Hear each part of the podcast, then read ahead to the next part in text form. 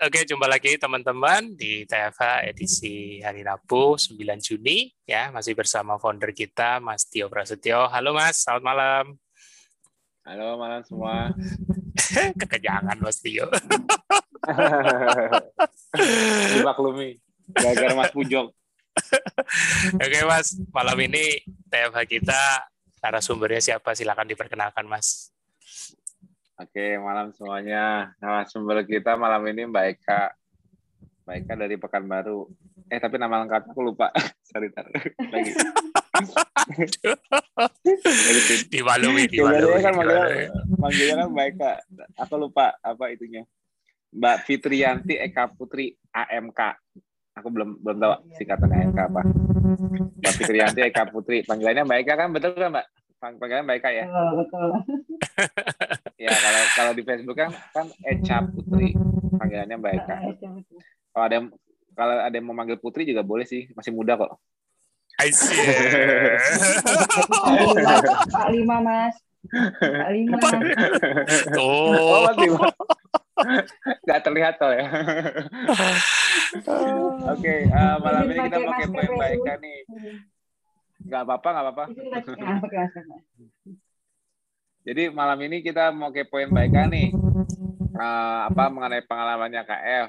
Uh, mulai dari awal kenal KF dari mana, mungkin siapa yang ngasih tahu, siapa tahu, uh, terus uh, apa uh, alasannya awalnya apa, kendalanya apa, terus uh, selama perjalanan KF-nya uh, ada up and down-nya apa enggak gitu, terus respon lingkungan atau respon sejawat dan sebagainya. Mau nggak Mbak diceritakan Mbak? Uh, sebelumnya Assalamualaikum warahmatullahi wabarakatuh. Waalaikumsalam, Waalaikumsalam warahmatullahi wabarakatuh. Selamat malam buat warrior semua. Salam sehat, salam sejahtera buat kita semua. Uh, jelas kan, Mas? Jelas, jelas. Uh, jelas.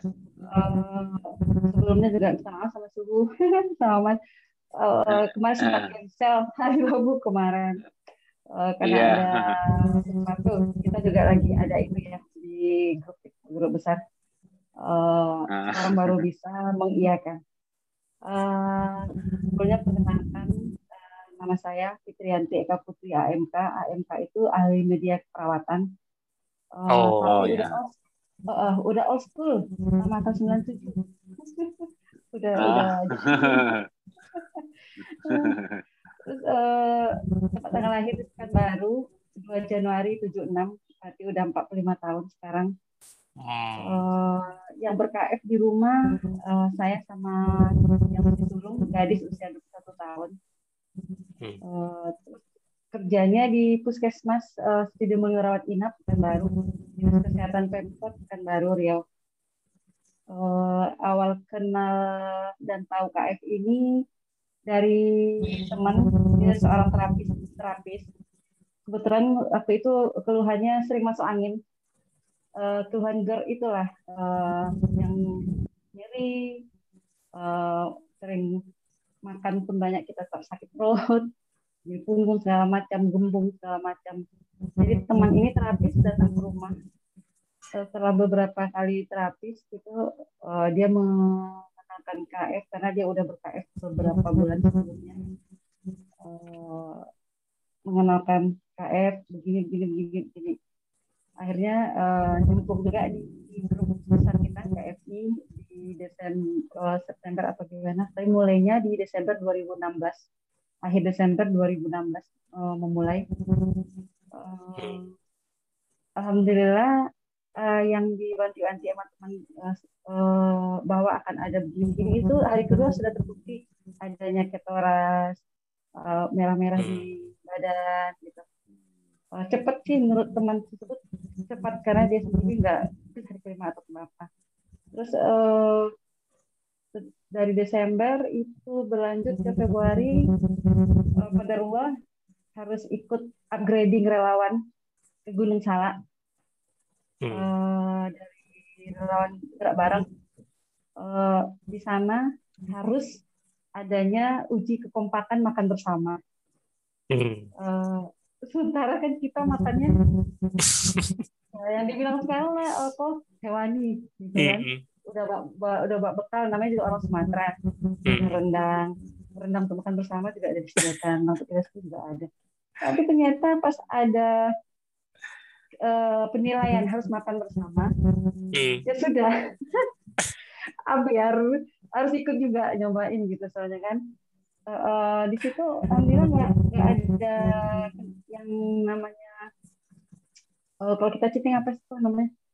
Uh, ada seperti apa alarm ke tubuh itu nggak pula ada saat itu gitu. Hmm. Kan pulang dari sana uh, tiga, tiga hari upgrading relawannya di sana balik ke baru itu uh, mulai lagi ya seperti yang di pernah uh, dibahas juga bahwa untuk memulainya itu jadi lebih berat dari memulai yang pertama. okay. Tetap lanjut, uh, tapi tetap hmm. lanjut.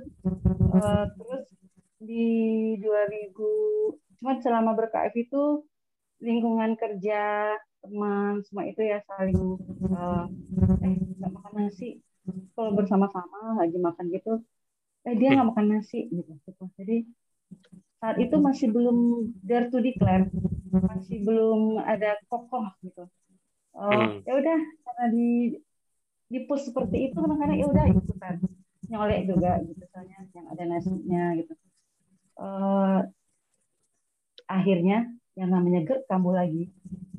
Hmm. Yang kambuh lagi uh, puncaknya itu di 2017 uh, pertengahan atau apa uh, pokoknya harus uh, kontrol lagi ke dokter terus 2018 uh, sampai Februari 2018 itu uh, salah satu senior juga memperkenalkan uh, keto yang nggak pakai testing. Uh, hmm. Di situ uh, ragu karena dia senior mengenalkan. Terus akhirnya uh, mengiyakan tapi sebenarnya agak berat gitu. Setelah cobakan ke badan ternyata nggak cocok yang nggak pakai testing.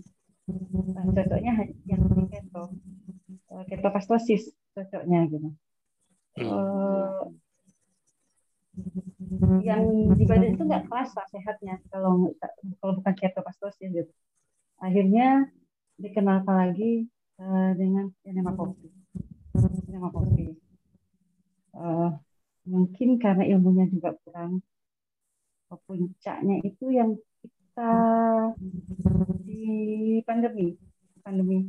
Uh, pakai hazmat walaupun di puskesmas saat itu semua ada yang pakai hazmat uh, masuk bulan Ramadan kan dehidrasi itu yang Ramadan berapa minum harus bergerak bungkus keringat banyak dan jujur berenama kopi juga. Hmm. uh, berenama kopi terus uh, Japri suruh memberitahu kondisi um, tapak menapak pun kita begitu bang kayak melayang hmm. seperti adanya di cuma nggak ngerti saat itu itu adalah maladaptasi nggak ngerti hmm. nah, setelah heboh sekarang inilah baru mundur lagi ke belakang oh ternyata diriku juga pernah merasakan maladaptasi hmm. ilmunya di situ kronologinya ya Hmm. kan uh, yang yang kemarin yang setelah on off gitu tuh uh, suruh puncaknya itu di Februari 2019 itu akhirnya harus kontrol ke dokter hmm.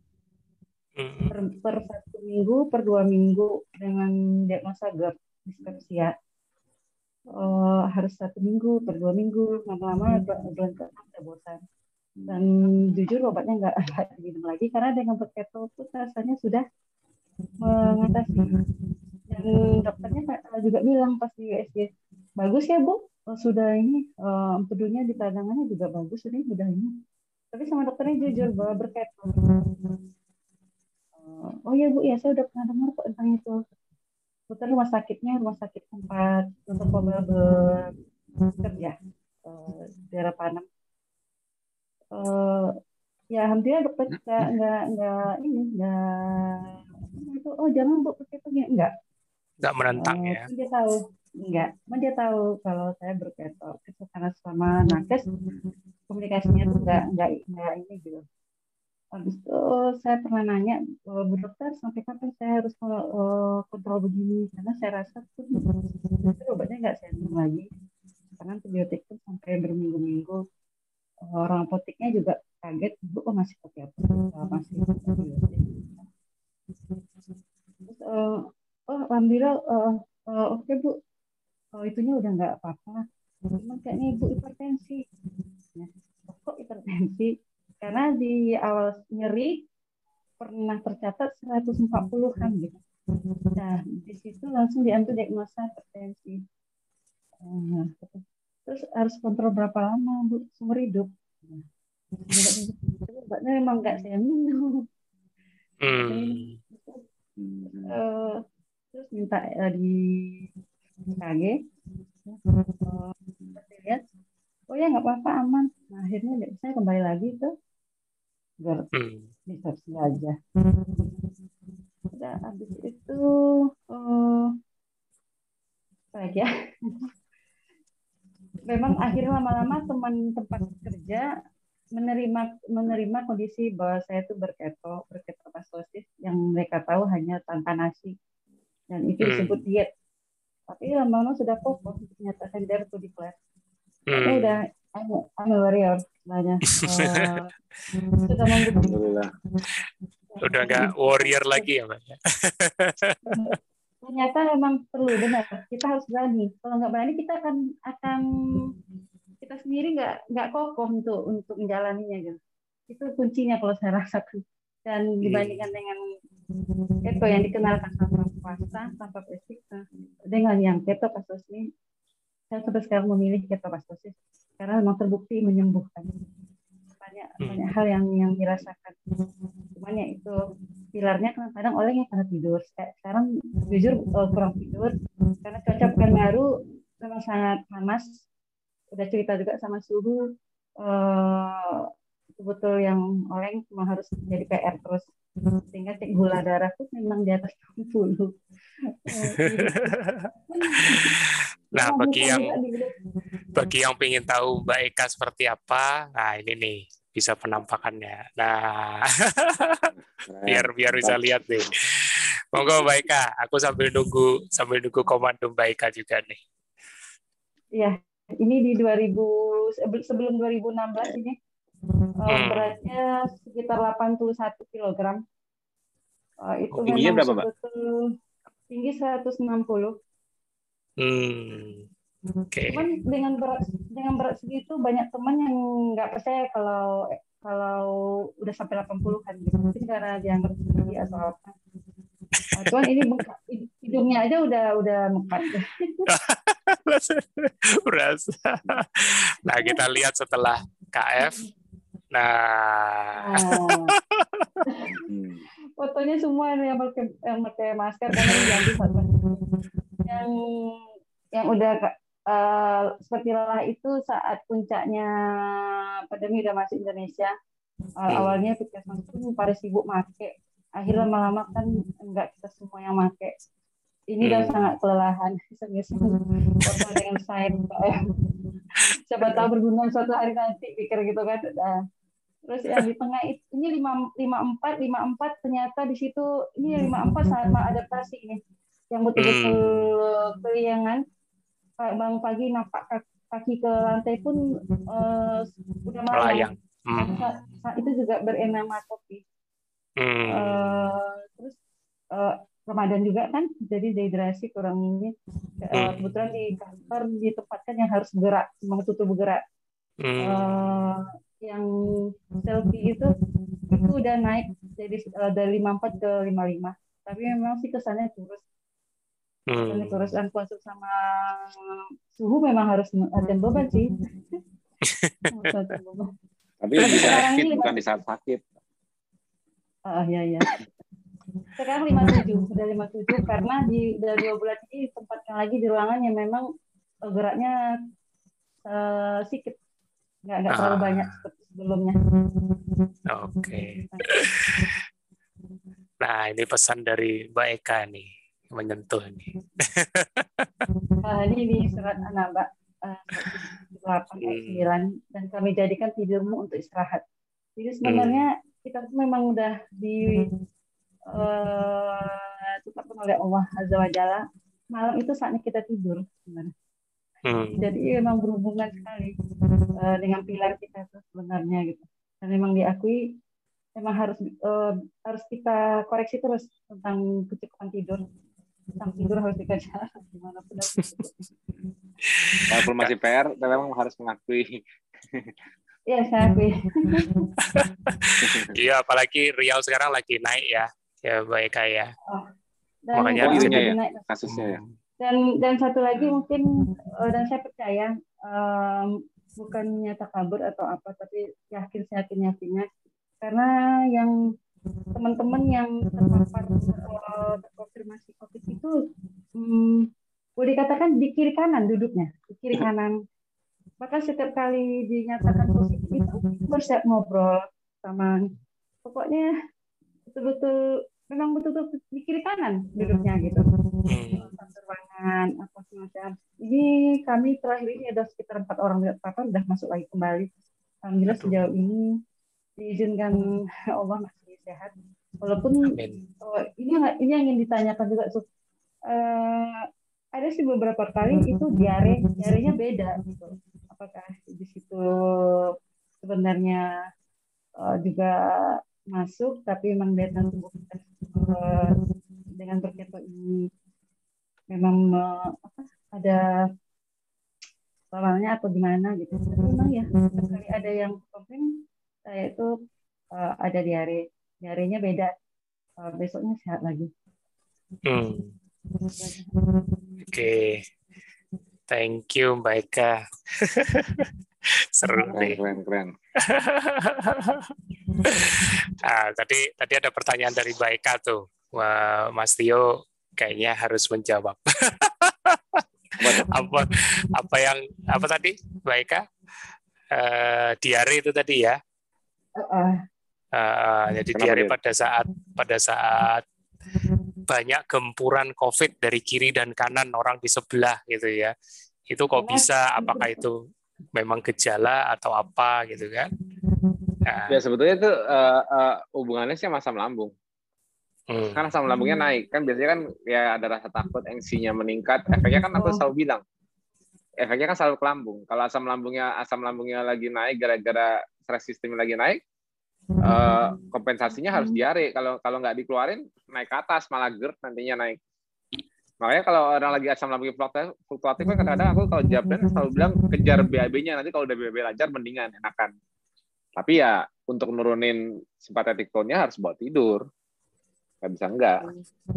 Kalau diarenya itu cuman cuman hasil dari jadi kalau kita lagi asam lambungnya naik kayak gitu terus misal dalam kondisi sembelit ya itu kayak nggak turun-turun kayak malah nyesek ke atas neken terus. Makanya kan harus loss-nya kan lewat jalur bawah. Biasanya kalau udah habis diare gitu kan enak kan, bener nggak, Mbak? Enak. Biasanya nggak apa-apa lagi. Harus, maksudnya maksud, dibanding dibanding dibanding pas lagi naik tuh sampai kita kita lagi sembelit misalnya posisinya dua tiga hari nggak BAB tapi asam lambung lagi itu apa nggak neken ke atas betul nggak betul iya itu makanya aku kalau kalau lihat kasus kayak gitu pas lagi ngeluh orang udah asam lambungnya sesek atau karena suatu hal aku bilang ya udah uh, kejar BAB-nya bawa tidur udah nanti sampai turun benar-benar sampai sampai enggak kalau asam lambung lagi kayak gitu kan juga makan juga enggak enggak ketelan enggak tapi, tapi saat itu enggak ada nyeri perut atau apa gitu so, tapi tiba-tiba aja ya, ya oh. karena diare karena udah karena ada diare oh. kalau enggak kalau enggak diare naik Merasa, makanya oh. makanya kalau Nah, jadi mbak sebetulnya efeknya asam lambungnya keluar berlebihan, tapi kompensasinya diare. Gitu Jadi lebih Iyalah, kenapa lagi? itu basicnya. Tadi aku tadi sambil sambilnya aku nggak dengerin ceritanya soalnya sambil dengerin apa sambil nyari yang gambar aku janji mau mau jelasinnya aku jelasin ya, Petcon itu loh. Gak apa-apa Mas Budi lanjut interview dulu. Iya. Aku dia sambil ngumpulin ada, gambar. Ada yang lupa kerjain PR. iya, saya tadi ya itulah akibat Mas Pujo tuh gara-gara wader. tahu aja kalau tahu aja kalau suhu ikat. Gak bisa berhenti ngambilnya. Tahu udah, aduh, aduh, mau ngerjain jadi lupa tadi, aduh. Oke, jadi uh, Mbak Eka berarti banyak banyak apa ini banyak belajar dari sisi pilar tidur ya berarti ya Mbak ya. Jadi uh, kalau boleh tahu ini mungkin beberapa nakes mungkin uh, bisa bisa juga ikut belajar uh, apa yang membuat uh, Mbak Eka mungkin jadi sulit sulit untuk menjaga porsi tidurnya. Terus tips dan triknya bagaimana? Ini kan kaitannya sama sesama profesi nakes ya. Apalagi Mbak Eka kan perawat jadi ya kebayang tuh itu gimana ngalokasikannya gitu. Mungkin teman-teman nakes yang mungkin nanti akan melihat rekaman ini bisa uh, ikut belajar tips and triknya seperti apa. Monggo Mbak Eka. Kalau masalah tidur itu mungkin pertama di, di di awal kita pandemi itu otomatis karena cemas ya toh hmm, hmm. Uh, ya, mungkin overdue juga karena terlalu seperti itu untuk jatuh tidurnya udah sulit seperti yang mungkin diterangi sama oh dari uh, karena kan kita berhasmat juga minum oh. nggak banyak itu oh, terus juga okay. uh, pikiran mungkin otomatis semua pada udah mikir kayak mana ini ke depannya ke gimana gitu uh, hmm. Jadi seperti mungkin pikiran pikiran. Uh, lagi ada yang banyak yang wafat gitu kan. Kita ada jadi kepikiran. Yeah. terus setelah berlalu gitu lama-lama ya udah uh, terima udah mulai ada penerimaan bahwa kondisi seperti ini. Uh, ya udah lama-lama akhirnya karena memang udah capek juga mungkin akhirnya tidur di TFH CFH inilah ilmunya sangat banyak. Apalagi uh. hari itu aku juga sibuk apa gas break stop. Oh. simple ya. oh, memang betul ketabok memang betul ketabok. Dan itu share juga ke mana-mana. Walaupun nggak nggak satu hal yang satu satu hal yang simple aku aku kalau di metabolic conditioning jelasinnya bikin orang keliangan. Tapi sebenarnya aplikasinya simple kan. Aku kan cuma justifikasi secara fisiologinya mengenai gas, gas break stop, gas break stop itu kan. Stop. Tapi kalau di kalau di grup metron kita kan aku kan breakdownnya secara fisiologi. Nah, iya. aku jelasinnya ke awam ya apa yang dilakukan. Kalau apa yang dilakukan kan antara 24 jam apa yang jadi kan kalau kita di KF itu kan sebetulnya kita kan memberikan lifestyle intervention. Intervensi hmm. lifestyle yang harus dirubah jadi apa yang harus kamu lakukan selama 24 jam supaya kamu tidak begini gitu loh. Kalau hmm. kalau secara medikal konvensional kan mereka kan simptomnya ditekan. Misalnya contohnya tensi lagi naik misalnya atau darahnya lagi ada pengentalan darah dan sebagainya kan simptomatik. Tapi kalau kita kan di sisi lifestyle-nya kan kita kan ya karena aku bukan dokter aku kan nggak mau nggak mau intervensi di medik apa medik medikasi medicationnya maksudnya obat-obatannya aku nggak mau ikutan boleh tapi tapi apa yang perlu dikoreksi selama 24 jam kalau hmm. makannya sih sebetulnya nggak ada yang dirubah kan itu itu aja mau makan iya. ikan telur ayam ya ya penting kan jaga nggak makan karbo tapi yang bisa kita lakukan eh, yang bisa yang sering aku bantu di lapangan juga para admin sebetulnya lifestyle intervention. Nah kadang-kadang orang ini nggak ngerti gitu ya. Memang kan kadang-kadang aku bilang aku cerita di grup grup Medcon juga tadi ya kalau orang awam sih memang kalau nanya kalau ada masalah pengennya dijawab instan. Kalau aku begini aku harus apa? Yeah. makan apa? Minum yeah. apa? Kan gitu kan? Ya memang itu nggak bisa ditutupin. Ya makanya kalau, kalau karena orang awam untuk bayar mau instan makanya rumah sakit kan rame. Karena kan mereka mengeluhkan gejala mereka. Itu loh. Nah, yeah. tapi kan kita harus tahu kan, kan segala macam keluhan itu kan semua ada akarnya. Kan datang ke rumah sakit bukan karena kecelakaan kalau ya kecelakaan ada, tapi kalau kecelakaan udah jelas penyebabnya apa. Tapi kalau orang-orang sakit ini sakit itu yang yang sifatnya bukan faktor trauma kecelakaan, pasti kan ada something di behindnya. Nggak tiba apalagi kalau penyakit degeneratif dan chronic disease. Nah untuk untuk dari sisi KF itu kan sebetulnya kan KF kan aku aku dari awal udah bilang bukan KF yang ngobatin. Kalau nggak salah dulu aku pernah punya quote terus dibikinin pakai foto tuh sama siapa ya bukan bukan bukan bukan ketosis maksudnya bukan bukan KF yang menyembuhkan. Tapi sebetulnya badan kita semua masing-masing yang menyembuhkan diri. Jujur deh. Yang kita lakukan selama ini coba deh. Emang eh, kok bisa ada ya alhamdulillah ya aku nggak klaim ya. Alhamdulillah banyak diabetes membaik aku nggak klaim. Hipertensi membaik, ya bahkan penyakit-penyakit degeneratif yang lebih berat membaik. Saat melakukan KF, KF yang menyembuhkan apa? Badan kalian masing-masing yang menyembuhkan aku tanya? Badan. Iya kan? Berarti berarti KF kan bukan obat dewa. Betul dong? Ya. KF Jadi apa yang dilakukan KF ya, yang dilakukan KF itu kan bukan kayak satu pil yang kamu minum semua penyakitmu beres kan enggak? Hmm, hmm, KF itu hmm. cuma membantu mengharmonisasikan lifestyle kamu as a whole supaya tubuh kamu terkondisikan secara hmm. metabolik, metabolic conditioning bisa self healing.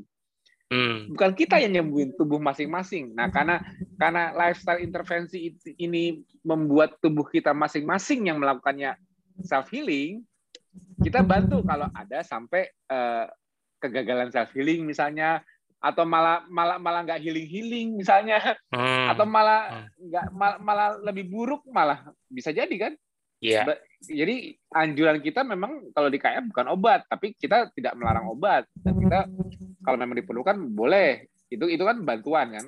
Hmm. Nah, tapi intinya bantuan dari kita ialah mencoba mencari tahu dalam 24 jam hidup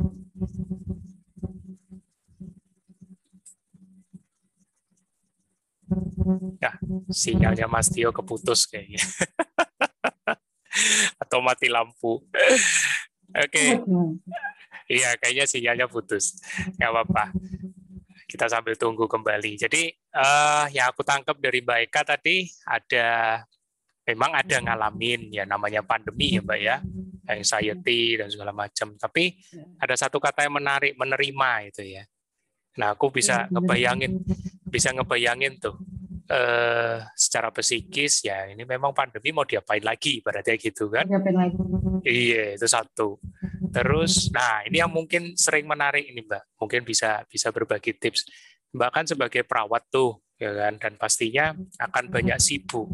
Apalagi eh, ya konteks Riau sekarang lagi mulai naik gitu kan? Pasti kesibukan meningkat luar biasa. Itu gimana caranya meng, mengatur? Kadang-kadang kan kita namanya eh, mungkin perawat aku nggak tahu tapi benar enggak pada saat diminta diminta ditugaskan oleh dokter untuk ini kan dokternya juga ikut sibuk kan. Ya itu bisa nggak itu bisa bilang enggak gitu? Sorry dok ini udah mau istirahat atau gimana? Bisa nggak gitu kira-kira? Coba berbagi sekarang ini uh, memang memang uh, saya kebetulan tidak masuk ke tim yang oh uh, tidak masuk vaksin atau cuma ditempatkan sekarang di bagiannya memang makanya saya bilang tadi uh, dua bulan ini alhamdulillah lebih banyak uh, ditempatkan di tempat yang tidak terlalu bergerak tapi imbasnya sih terasa kurang enak enaknya yang oh. coba tahun dua tahun lalu itu di tempatnya tempatnya kita harus bergerak oh iya uh, iya yeah. jadi terasa terasa terasa uh, uh, uh. ada ada hikmahnya juga sebenarnya negatif dan positifnya gitu Iya. Sekarang kalau lihat yang uh, Ko Bobi tanyakan tadi itu mungkin saya mewakilkan teman ya yang uh, itu memang kami nggak nggak bisa menolak uh, hmm. kondisinya itu memang harus saling uh, bantu saling ini hmm. sekarang malahan sejak kedatangan Pak Pres kemarin kan digesa dalam waktu 14 hari itu harus uh, lebih banyak lagi memvaksin uh, hmm. itu emang timnya berbagi bahkan ada uh, puskesmas yang udah uh, tumbang uh, timnya kami yang maju Iya. Uh, makanya beberapa waktu ini ada empat atau lima yang udah kerja tapi udah kembali lagi bekerja uh. Uh, memang memang nggak bisa menolak namanya udah tugas kita memilih sebagai nakes uh -huh. uh, walaupun walaupun nggak di tim vaksin atau tim covidnya kami itu hmm. memang memang saling support. Karena cuma itu yang bisa dimiliki. Saling belum lagi kerjaan lain yang mungkin akan bersenggolan akan nah, nggak hanya lapangan aja gitu. Iya iya. Nah ini ini penting nih supaya kadang-kadang tips gini ini penting. Soalnya banyak yang ya satu sisi mungkin kadang eh, kadang-kadang kan ada idealisme mungkin ada iya. tanggung jawab gitu kan. Jadi ya ini ini insight yang penting supaya ini loh tadi kan statementnya Mbak Eka kan bagus tuh dalam tidurmu uh, itulah istirahat kan ya. Tadi di di Al-Quran tadi ya bilangnya di surat. Nah itu kita mau memenuhi itu tapi kadang-kadang kan ya namanya zaman modern gitu kan. Tuntutan dia kan. Nah itu ini yang kadang-kadang eh, teman-teman perlu belajar nih dari Mbak Ika bagaimana dia bisa memposisikan gimana bisa ngatur itunya supaya tidur itu tidur yang jadi PR besarnya Mbak Eka ini bisa bisa clear gitu. Kalau enggak ya enggak, enggak selesai-selesai apalagi sempat enema kopi ya kemarin. Aduh, pernah, pernah. Dan memang hari itu nggak tahu kalau itu bisa mengakibatkan ya istilahnya adaptasi gitu kan. Iya, apa-apa. Sebetulnya sih itu, itu bagus loh. Maksudnya enema kopi aku nggak pernah ngelarang karena memang aku nggak bohong. Ya. Itu bagus bantu detoksifikasi. Ya, Cuman kalau kita nggak sadar kita berlebihan itu malah bikin kita ya. iya loss mineralnya besar banget. Ya saya pribadi mengaku memang memang mungkin harus belajar terus. Makanya guna TFH, TFH ini sangat membantu. Ilmunya luar biasa. Learning by doing. Terus uh, untuk masalah tidur kok uh, saya pribadi uh, untuk diri sendiri itu banyak yang harus dikoreksi untuk bisa jatuh tidur gitu. Kan nggak semuanya uh, bisa uh, untuk langsung lelap Nah, kalau saya pribadi sepertinya banyak yang harus dikoreksi dari pagi pagi sampai malam itu sebenarnya harus ada yang bisa kita selesaikan hmm. tidak terselesaikan nanti itu menjadi beban kurang plong untuk tidur pun bakalan jadi pikiran iya yeah. nah, itu betul terus uh, yang sejauh ini yang saya tahu uh, sebenarnya ketika seseorang tidak bisa tidur itu sebenarnya nikmat tidurnya lagi dicabut. Hmm. Dan, dan koreksilah hubungan kita uh, dengan Allah, dengan yeah. dengan dengan mungkin ada sesuatu yang harus kita perbaiki. Gitu. Hmm. Biasanya seperti hmm. itu. Uh, terus uh, terus berikutnya kopi. Saya perhatikan kalau saya ikut minum kopi. Hmm. Kopi itu malamnya memang udah susah tidur. Uh, sekarang sebenarnya yang berKF ini yang yang berKF ini yang luar biasa bisa mencintai kopi. Dulunya jangankan kopi yang kayak nangka cuma gula itu nggak bisa nyeri. Sekarang itu kopi udah udah udah the best. Cuman akhirnya kita harus tahu limit kita. Ah, uh, know your limit. Uh, jangan know your limit. Keren. know your limit. Uh, uh, pokoknya kalau udah minum kopi itu udah selesai uh, matangnya udah udah kayaknya ya buat aja gitu pokoknya yang terang beneran ya. Pokoknya itu pelajarannya know your limit. Pokoknya jangan ikutan kalau overdo memang memang minta minta ampun. Uh, memang bakalan oleng. Uh, tidur tidur yang jadi PR itu gula darah pasti naik. Wow, kalau sampai sampai ketahuan gitu ya, bagus sih ini. Ya, Terus kalau karena pernah ditempatkan di bagian feeling juga bagian loket rekomendik itu, jadi setiap uh kita ada karena kita dari perawat uh bukan orang RF, jadi setiap kali ada yang mendaftar itu kita seperti mau kejar dia tuh sebenarnya uh, mendaftar itu setelah gini keluarnya apa? Uh, gitu. Uh, biasa kontrol ambil obat rutin kejar lagi. Kalau kalau orang RM kan uh, daftar aja. Tapi karena basicnya perawat ya pokoknya ingin tahu aja um, apa tidurnya kurang ya? Uh, dan ya, bangun. Terus kadang-kadang malam-malam juga mau, mau nonton bola gitu, -gitu. Nah, coba dalam beberapa hari ini bapak tidur cepat. Coba, coba cek lagi berikutnya isinya.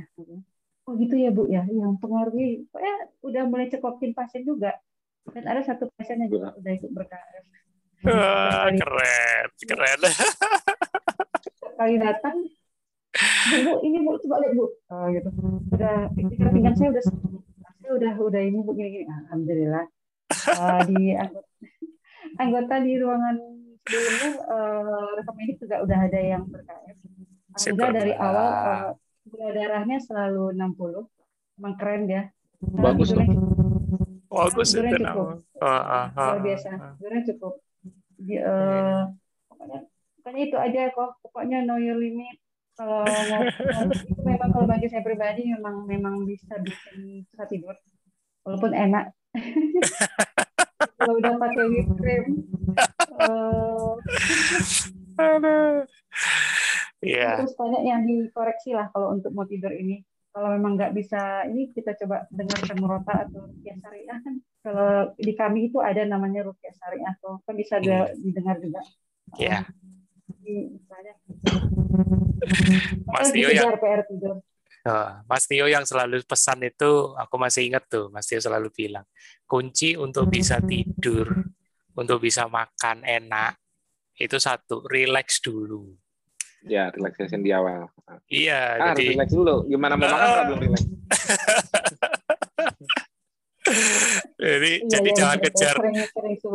Uh, jadi jangan kejar apa istilahnya kalau Mas Tio bilang itu jangan kejar mau tidurnya tapi relax ya dulu.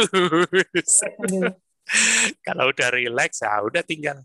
Jadi kadang-kadang aku juga ajarin ke beberapa newbie ya kan, aku bilang coba diatur apa ini irama beban kerja kalau misalnya masih ikut uh, atau ada dinas atau apa dari pagi sampai siang itu mulai dari 100% beban kerja sampai jam 12 itu tinggal 50% kalau bisa, kalau bisa.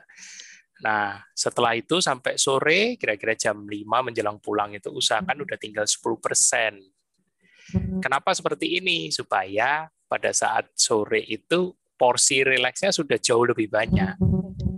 Nah, jadi udah nggak usah mikirin nanti mesti tidur jam 9, jam 10 gitu. Jadi stres sendiri. Karena masih dipikirin dari sore. Jam jam jam 3 itu udah harus direm ya kok. Jam jam 3 sore udah harus direm sebenarnya. Iya. Uh, ya. Ngikutin, ngikutin polanya kortisolnya kan udah turun. Udah berarti kan udah nunjukin kita waktunya kita istirahat. Uh, cuman kendalanya kendalanya ya gitu uh, apa karena uh, Mas Tio juga mungkin kan terbatas ya. Oh, masa suruh dokter lagi ada pasien, jangan terima dulu ya susah juga. Nggak mungkin. ya pintar-pintarnya diri lah, pintar-pintar. gitu. Jadi ya Oke, kayaknya PR Mas Tio mesti di dicek nih. PR-nya oh, sudah iya. belum mas? udah, udah, udah itu ya tentang itu ya mas. Bapak ya makanya aku, aku lagi lagi aku kepikirannya gimana yang ya nih gambar serem-serem semua? Gambar serem-serem semua. saya, saya yang kalau kalau dalam kata-kata sih di, di grup Medcon sih aku bisa jelasin tapi kalau pakai aktual ini pada stres gak ya nonton big questionnya dulu mas pertanyaannya kalau enggak audiens pada bingung ini PR apa oh, sih iya. gitu. tapi, enggak, enggak. tapi tapi aku juga mau sedikit cerita doang nambahin nambahin uh, itunya itu tadi tadi itu di kantor datang itu Mas Ahmad Sarif uh, oh. yang salah satu pemenang top 10 uh, finalis top 10 urutan dua kemarin yang bulan Mei Mm-hmm. Ya dia lagi lagi silaturahmi gitu deh. Ya, mm-hmm. terus aku nanya pengalaman dia kan. Mm-hmm. Alhamdulillah dia udah bulan katanya sih dia sih kalau nggak salah tadi bulan Juni atau Juli ini dia udah setahun. Mm-hmm. Dia cerita dari segala diet yang dia coba baru kali ini yang bisa konsisten sampai setahun. Wah. Wow. Dia udah nyobain yang apa ya diet yang ngurangin makan lah, banyakin inilah itulah, tapi akhirnya dia nggak bisa tahan lama gitu loh. Mm. Kenapa bisa lama? Aku tanya, ya karena saya ngerasanya kayak nyaman, kayak nggak rasa diet mas betul kan maksudnya uh, kenapa bisa lama karena badannya dibilang dia merasa lebih sehat makanya dia bisa bisa setahun malah makanya bagi kita kita untuk bertahun-tahun jalanin KF nggak nggak terasa kayak kita sedang diet sesuatu kan iya. kalau menghindari karbo tapi kita nggak merasa ada energi loss atau apa aku kayak gitu iya mas nggak ada mas hmm. bener kayak saya itu dari beratnya kalau nggak salah dia 130 kilo hmm. sekarang dia 80-an aku lupa oh. tadi 80 berapa dia bilang tapi dia 130 kilo dia sampai hmm. sampai pada kaget semua kata dia gitu. Saya aduh saya makasih banget mas. Sama ini apa apa saya gagal nggak mampu. Maka dia ya serem juga sih. Makannya tuh makan terus. Gede dulu kalau nyetir motor ini ini buat amatnya amatnya aku ceritain mudah-mudahan kupingnya nggak gitu ya. Kali ini mas di testimoni ceritanya ceritanya menginspirasi gitu nasihatnya dia juga menginspirasi. Jadi jadi aku bilang alhamdulillah lah alhamdulillah dia perbaikannya banyak. Dia merasa walaupun dia niat awalnya cuma dari gemuk ke kurus tapi hmm. dia baru nyadarin kalau dia yang sering pegel-pegel masuk angin terus katanya dia dulu sering jatuh dari motor gara-gara tiba-tiba ngantuk. Waduh. kalau dia kalau siang gitu makan loh hah mas? Naik motor ngantuk ngeri amat. Tiba-tiba melek-melek dia udah di bawah. Waduh. Waduh. sama sama sama jadi dia lucu gini zaman dulu dia kalau malam susah tidur kalau udah udah udah udah udah siang ngantuk malah malah malah malah sleepy gitu hmm. udah itu dia ngorok apa jadi niat awalnya dia cuma dari gemuk ke kurus tapi dia baru sadar bahwa banyak keluhan yang akhirnya hilang aku bilang semua orang yang mau KF yang cuma gemuk ke kurus ya nggak apa-apa niat awalnya tapi nanti kamu rasakan sendiri nanti ingat hmm. oh ya saya ternyata ada keluhan yang hilang ya Hmm. Ya ada juga yang datang memang karena dia diabetes dan sebagainya, udah tahu kalau dia sakit. Tapi orang gemuk ke kurus ini kadang-kadang nggak sadar kalau dia punya keluhan banyak yang dia nggak ngeh. Baru nggak, oh iya saya gampang ngantuknya hilang. Terus dia bilang katanya, aduh mas, aku kalau kalau nahan ngantuk paling kuat sampai jam 10 deh mas. Jam 10 udah kayak mau itu jam 8 tuh udah ngantuk, tapi jam 10 tuh udah nggak kuat. Dulu dulu tuh dia susah tidur, bilang gitu. Ya bagus mas, aku bilang tapi aku interview lagi. Tapi mas selama hampir setahun ini pernah nggak ngalamin nggak ti apa kurang tidur hmm. ya pernah mas bilang gitu. Terus terus gimana rasanya? Enak gak paginya? Aduh iya ya oleng ya mas. Gini gini gini ya. Maksudnya rasa rasa kayak ini ini. Nah itu kan? Mas bisa sampai setahun karena mas masih oke. Okay. maksudnya masih mempertahankan flow-nya. Masih ngikutin permintaan tubuh. Kalau ketosis hmm. itu kan adaptasinya kan makanya orang yang ketosis tidurnya jadi lebih cepat lebih cepat lebih cepat ngantuk kenapa karena memang badannya minta pada saat pagi dulunya dia gampang lemes gampang ngantuk harus makan dulu hmm. baru seger tapi bisa ngantuk hmm. lagi hmm. akhirnya akhirnya sekarang gampang banget dia hmm. apa malah dia udah udah bisa puasanya sampai jam 2 misalnya malah hmm. gampang karena memang nggak lapar nah hmm. semua kelebihan yang kita punya di ketosis itu syaratnya cuma satu ikutin maunya badan maunya badan pasti kalau udah malam tidur kalau kita coba-coba ngelawan karena kita coba uh, apa karena satu hal karena itu super powernya hilang di pagi hari. Malah lebih lemah dibanding waktu masih makan karbo. Hmm. Malah mendingan makan karbo karena dapat tenaga gulanya yang harus di, dihilangin ke mana kan? Karena gulanya harus tinggi dulu. Tapi kalau kalau kalau segala apa yang dia dapatkan kebaikannya di ketosis semuanya hilang hanya dengan apa? Jangan tidur atau kurang tidur selesai bilang makanya aku bilang ini pesanku buat mas ya gini gini. Gini terus dia juga nyampein mas tapi aku uh, uh, kan turunnya cepet nih. Tapi setelah bulan ke 8 aku wet stall. Atau gini 86 uh, 80 apa pun nggak tahu deh. Dari 130 dari 130 hmm. 6 bulan itu cepet banget dia turunnya. Sampai dia bulan ke-8 udah mulai lambat bahkan sampai katanya saya udah nggak bergerak lagi. Saya masih ada yang mau dihilangin kata dia gitu bilang. Terus aku inget aku ingetin jangan hmm. sampai melakukan satu kesalahan ini. Hmm. Ingat, kebanyakan orang awam tuh maunya instan. Nah, dia udah dia sudah menikmati fat loss secepat itu dari 130 ke 80 dalam waktu 6 bulan. Lihat diet apa yang bisa nyaingin kita 130 ke 80-an dalam waktu 6 bulan. Coba, ada nggak? Secara fisiologi kita luar biasa. Tapi tapi kan tubuh kan nggak bodoh. Tubuh kan pasti kan nahan. Ya. Yeah. Pasti terjadi adaptasi, pasti terjadi weight. Karena tubuh nggak mau ngelepas semua lemaknya saat juga betul dong. Hmm. Nah di saat itu, di saat itu harusnya kita mengerti bahwa tubuh itu mau ngerem dulu. Yeah. Yang nggak yang nggak ngerti, yang nggak ngerti karena karena karena pengen, aduh pengen lebih cepat lagi, masih kurang. Awal. yang terjadi apa? Belum mampu puasa lebih panjang, dipanjangin. Hmm. Makan dikurangin. Harapannya lebih cepat lagi. Betul nggak rata-rata bakal hmm. melakukan itu begitu Westall? Hmm. Aku tanya, audiens yang sini newbie, begitu menikmati turunnya turunnya berat badan, kalau niatnya nurunin berat badan, Begitu weight stall terjadi, nggak bisa dihindari karena sudah adapt, berusaha mengurangi makannya lebih sedikit lagi nggak? Karena pengen mendapatkan weight loss. Aduh, kok udah berhenti sih? Jujur, ayo, pada jujur. Berusaha memperlama puasa nggak? Berusaha olahraga lebih keras nggak? Bohong kalau nggak. Pernah, pernah. Pasti. Manusiawi. Nah, it, itu itu mistake-nya itu mistake-nya yang kadang-kadang bisa menyebabkan maladaptasi. Kenapa? Saat badan sudah mulai wet stall, di situlah kita harusnya malah merangkul maunya badan. Artinya apa? Artinya apa? Ya kita ngalah. Justru kita gimana caranya ngentengin gas. Jadi membuat badan mengizinkan kita melepas ada yang lu, Mas, saya dari 130 ke 80. Tapi ya memang kalau dilihat lemaknya masih banyak. Kan lemaknya masih banyak nih, Mas. Hmm. Tapi tubuh tetap mau ngerem. Walaupun lemaknya masih banyak, kan belum tipis banget. Tubuh tetap mau ngerem, itu disebut namanya weight stall. Nah, pas weight stall itu terjadi, pas weight stall itu terjadi, itu sebetulnya tubuh itu malah pengen pengen posisi nyaman dia dia nggak mau kalau kalau dipaksa kalau dipaksa gasnya supaya loss hmm. lagi stresnya ketinggian. Dan dan itu justru yang malah dilakukan.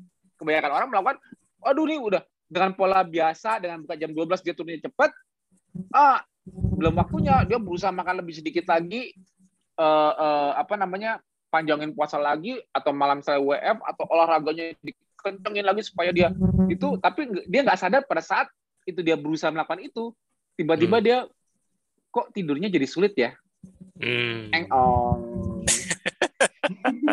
ada nggak yang mengalami itu ada nggak yang mengalami berus begitu weight stall berusaha untuk hmm. cepat di awal hmm. usaha-usaha ini justru malah menunjukkan bagaimana efeknya ke sistem stres jadi malah overdrive hmm. kelihatannya dari apa kok tidurnya nggak nggak nggak segampang awal ya waktu turun cepat. Iya. ini ini ini pesan tuh ya. Ini ini ini dieters ini dieters mistake disebutnya. Hmm. Diet dieters mistake itu apa? Sam, dia suatu dia, dia pengen pengen raih Hmm. Dalam setahun maunya kayak langsung jadi ADR kalau bisa dari 130 kilo. Mungkin nggak? manusiawi itu, tapi manusiawi. Aku bilang manusiawi. Tapi ini ini mistake-nya. Hmm. Begitu dia ngepush lebih keras, walaupun turun berat badannya nggak cepet di awal, tapi begitu udah kalau udah waist tall, sekeras apa pun kamu lakukan, turunnya nggak bakal cepet di awal lagi, tetap berkurang, tapi itu hmm. dengan stres yang lebih besar. Kalau nah. akhirnya tubuhnya nggak kuat, overdrive langsung drop. Nah, itu dia. Makanya aku selalu nanya, Mas, aku kok BB ku udah BB ku udah udah udah udah udah nggak bergerak lagi ya. Aku bilang, aku paling nggak suka orang lihat BB. Akhirnya dia targetnya jadi terlalu berlebihan. Aku bilang, udah nggak usah BB, mengacu aja ke cermin pakaian dan lingkar tubuh. Insya Allah turun terus kok. Lingkarnya turun terus kok. Tapi kok BB-nya nggak bergerak-gerak ya? Saya dari dari ini minggu pertamanya bisa turun 5 kilo, minggu kedua bisa ini kilo. Tapi dia ngejarnya BB-nya udah pengen turun terus cepat mungkin. Udah berhenti. Gimana caranya udah berhenti gini? Lebih itu lagi ya. Oh, berarti aku mesti tambahin puasanya, tambahin ngecilin makannya, apa ya dengan logikanya dia kalorinya makin dikurangin. Tapi dia nggak nggak pada saat tubuhnya udah nggak kuat, stresnya meningkat, kira-kira gampang nggak tidurnya? Ayo, aku Ayo, aku. Nah, makanya kan. itu itu itu daya terus mistake. Makanya aku ingetin sama sama, yeah. sama Mas sama Mas Sarif tadi. Udah, Mas tuh dari 130 ke 80 itu udah luar biasa loh. Walaupun mm. udah hmm. berapa bulan ini Westall. Maksudnya Mas nggak usah itu udah hebat loh. Coba Mas pakai apa pun itu yang yang diet. Kan Mas udah bukti diet nggak ada yang diet lain nggak ada yang nggak ada yang apa namanya nggak ada yang secepat itu udah cepat. Tapi tapi namanya manusia pengennya ya kalau bisa sih pengen kayak Mas Tio. Badannya eh emang aku berapa tahun? Enak aja. Pengen cepat aku dalam tahun aku juga mau. Nggak mungkin dong. Selalu nah, mencari cara instan ya Mas ya. Manusia ya. ada, nothing instan. Tubuh kita itu tidak bodoh. Tidak tubuh kita itu tidak mau stres berlebihan. Dia malah nahan. Karena bagaimanapun juga body fat itu secara manusia survive dia dia yeah. dia kalau loss itu dia me, me, me, mengeluar mengkeep up energinya tapi begitu ini wah mending, kalau aku dipaksa terus mendingan metabolismenya aku turunin. Daripada lemak keluar terus. Hmm. ya enggak nah jadi jadi jadi jangan jangan ikutin maunya tubuh. Makanya aku saranin mas kalau udah kayak gini aku bilang sama mas mas kalau udah kayak gini mumpung tidurnya masih bagus lanjutin apa pun yang masalah mas kalau mau nambahin puasa pelan pelan tambahin satu tambahin satu jam dua jam begitu apa pun yang mas tambahkan aku tadi aku sempat ngajarin kalau orang-orang THK udah tahu puasa itu stres bukan hmm. olahraga itu stres bukan nah, hmm. apa pun yang mas tambahkan untuk memberikan stres tubuh dengan harapan sesuatu pastikan Mas tidak mengganggu proses untuk menjawab stres yang diberikan. Artinya recover dari stresnya. Kan stres itu kan memberikan effort. Hmm. Kan, kan orang bilang, Mas puasa bukannya sehat? Enggak, usaha sehat. Fasting is the healer. Artinya apa? Usaha Artinya sembuh. fasting is healer. Fasting is the healer. Puasa dapat menyembuhkan. Bisa hmm. menyembuhkan karena dia dia bisa bisa menjadi the healernya dari hmm. apa pun itu fasting bukan healing prosesnya jadi gini hmm. fasting is the healer fasting can heal hmm. if you do fasting kalau kamu melakukan fasting fasting bisa menjadi healernya sudah heal belum belum aku tanya sekarang healer dapat hmm. menyembuhkan hmm. belum kan hmm. kalau aku bilang sleeping is healing proses terjadinya bukan. Healing yeah. prosesnya bukan terjadi saat apa? Sleeping. Sleeping. Jadi kalau healernya ialah puasa, olahraga, effort to heal. Usaha untuk menyembuhkan diri. Usaha. Hmm. Make no mistake. Jangan sampai salah. Jangan sampai too much effort. Hmm. Terlalu banyak effort. Tapi sleepingnya, healingnya, artinya sleepingnya, melakukan sleeping continuous, heal, proses healingnya continuous juga sedang terjadi, tidak diberikan. Karena berpikirnya, healernya yang dapat menyembuhkannya, itu lokasinya di mana kita sembuh. Salah nggak pengertiannya? Jadi kalau aku bilang fasting is the healer, fasting dapat menyembuhkan, bukan prosesnya. Kalau kamu melakukan fasting, insya Allah tubuh kamu bisa melakukan self healing. Udah self, udah healing belum? Bisa melakukan self healing, bisa. Literasinya aku ada yang salah nggak? Literasiku. ya aku nggak tahu tanggapan orang gimana. Literasiku mungkin salah pahamnya, tapi dapat olahraga is the healer juga bisa memicu self healing olahraga memicu lebih sehat Hmm. Sudah terjadi belum saat olahraga sehatnya? Apa dapat menyebabkan sehat? Aku tanya sekarang. Ayo dong, literasi apa sih namanya literasi apa pengertian gitu pengertiannya definisi jadi kan jelas banget kalau fasting dan exercise itu ialah effort hmm. to get something effort untuk usaha untuk mendapat sesuatu jangan lupa di mana prosesnya terjadi Hmm. Itu yang kadang orang lupa. Jadi too much effort akhirnya mengganggu lokasi yang itu Prosesnya. terjadi. Hmm. Rugi nggak? Rugi. nah, makanya aku bilang, Mas Arif, nanti aku ingetin ke depannya, mumpung dia belum jatuh. Maksudnya kan dia mumpung dia belum kesandung. Aku ingetin di awal. Hmm. Enak kan bisa setahun, nggak pernah ada yang sejauh ini kan. Nah, Mas mau nggak sampai bertahun-tahun insya Allah seumur hidup? ya mau lah mas ya don't make the same mistake dari rata-rata dieters selalu hmm. push something over misalnya dia aduh ini masih ada di sini masih ada lemak di sana masih ada lemak di sini. Enjoy it. Makanya aku bilang berat badan itu bonusnya tapi mas lebih sehat nggak? Iya lebih enteng. Kenapa mas mau terus ini? Ya karena karena nggak kerasa diet mas. Karena rasanya badannya malah lebih sehat. Loh dulu memang dietnya mau sehat? Niatnya mau sehat enggak sih? Dia niatnya cuma mau kurus doang. Kok sekarang kok sehat? Akhirnya kerasa. Nah kan badan nggak bisa bohong kan? Nah hmm. sekarang udah udah tahu kan lebih sehat sekarang fokusnya di situ hmm.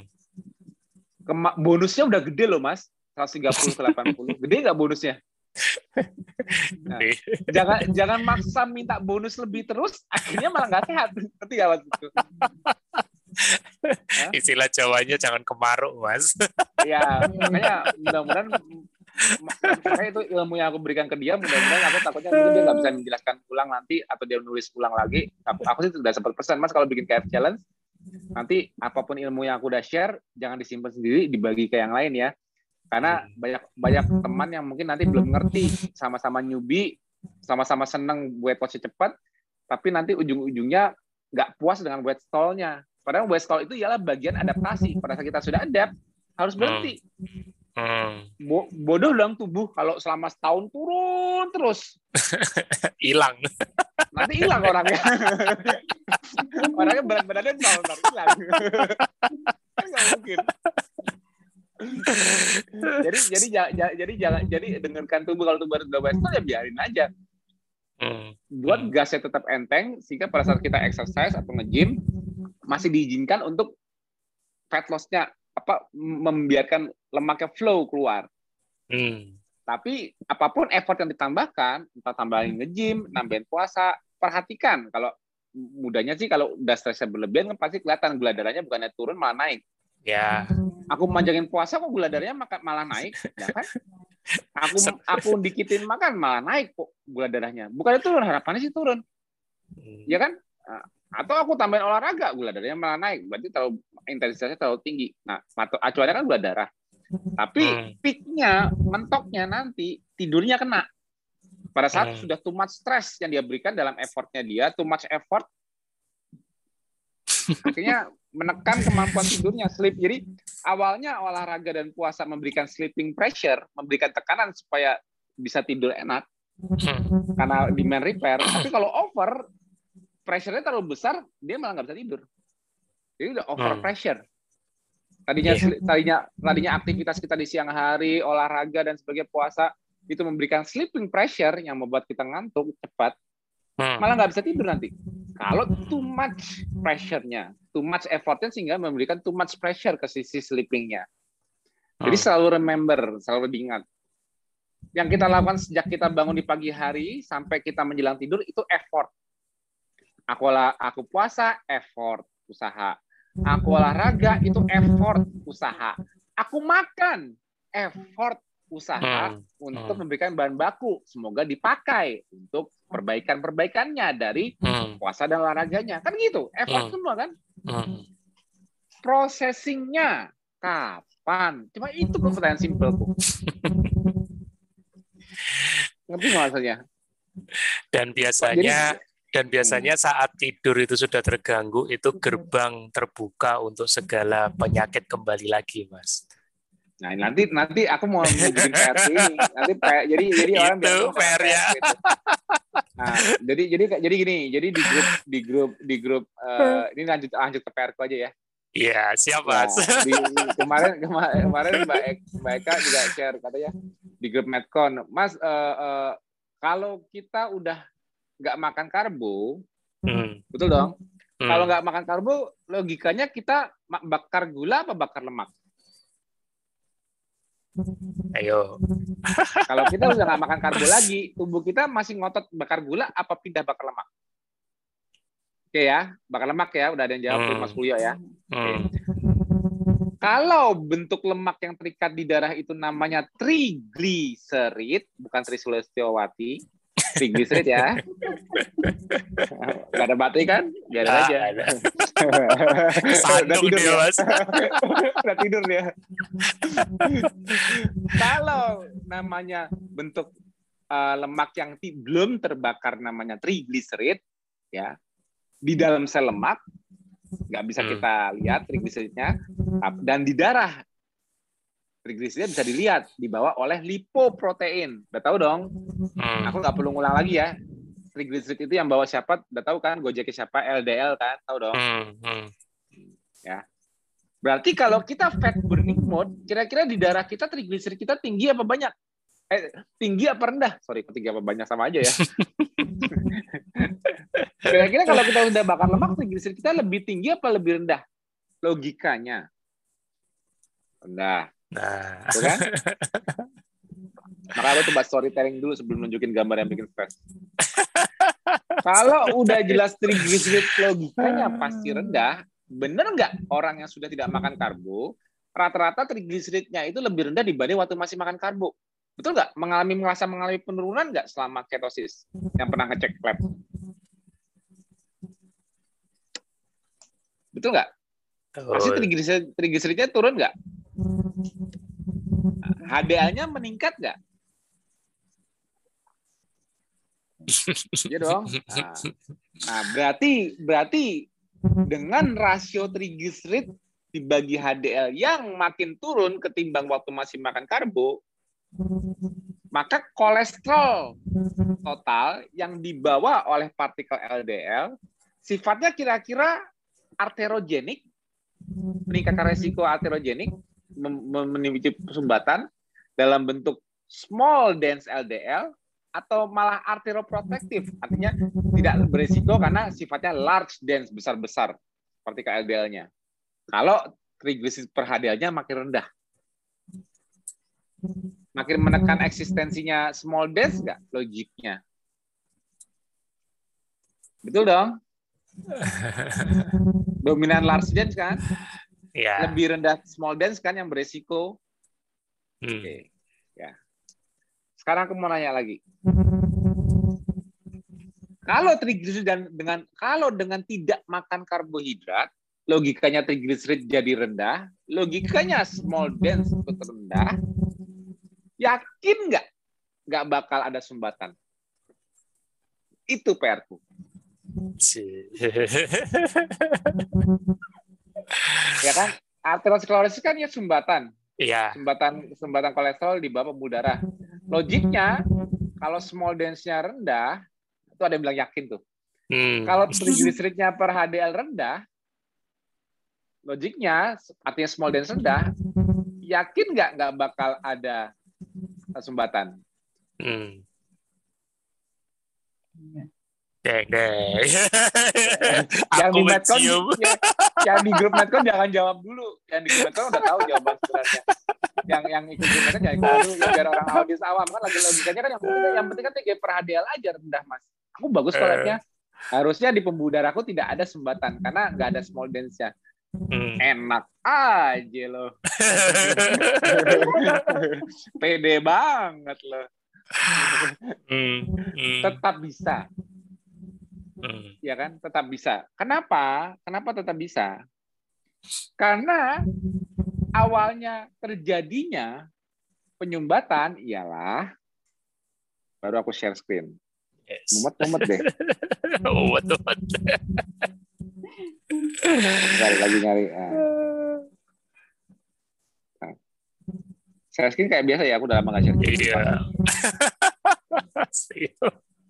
Nah, mana ya? Bentar, Mas, aku lagi belajar share screen lagi.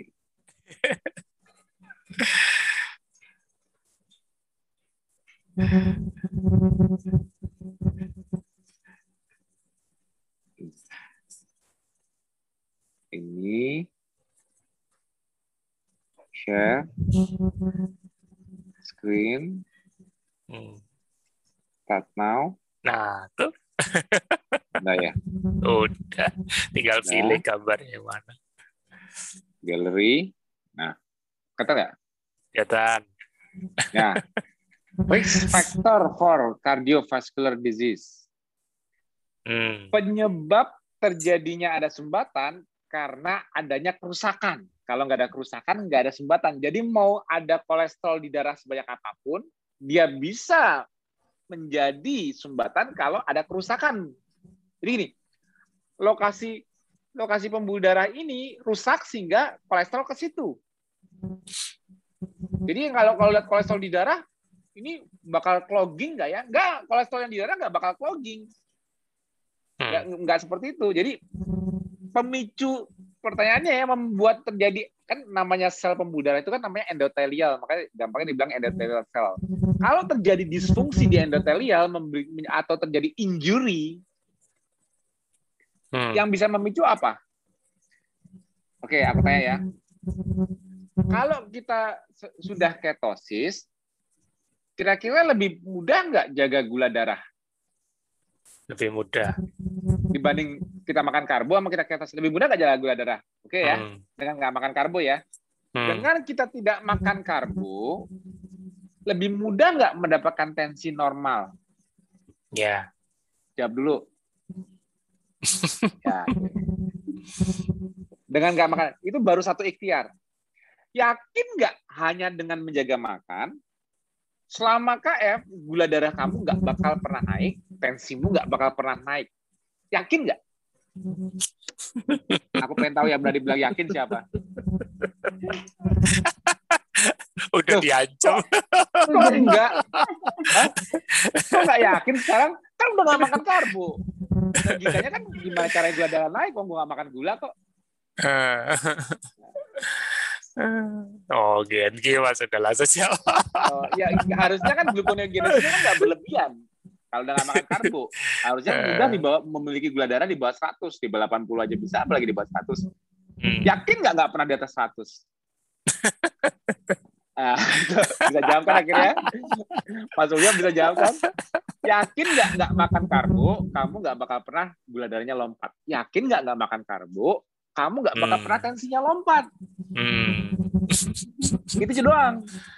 Jadi, yeah. jadi apa yang menyebabkan mechanical damage?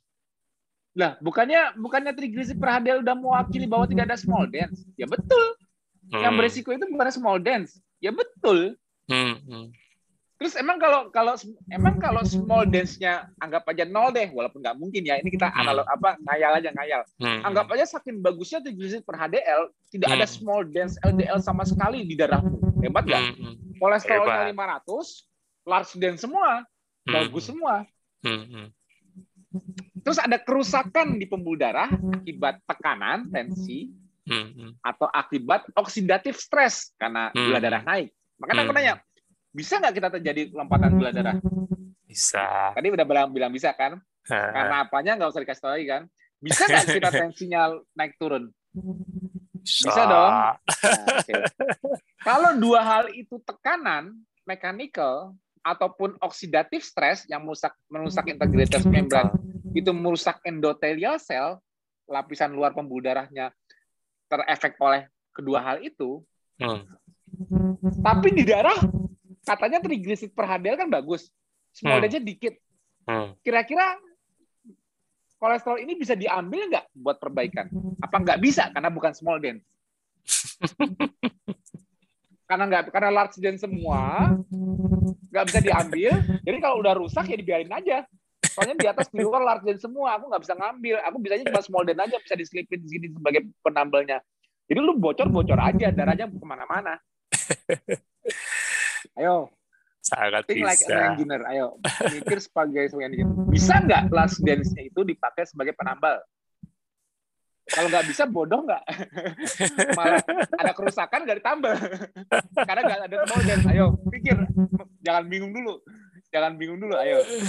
Kan dengan dengan tidak adanya small dance, resiko untuk untuk jadinya sembatan rendah.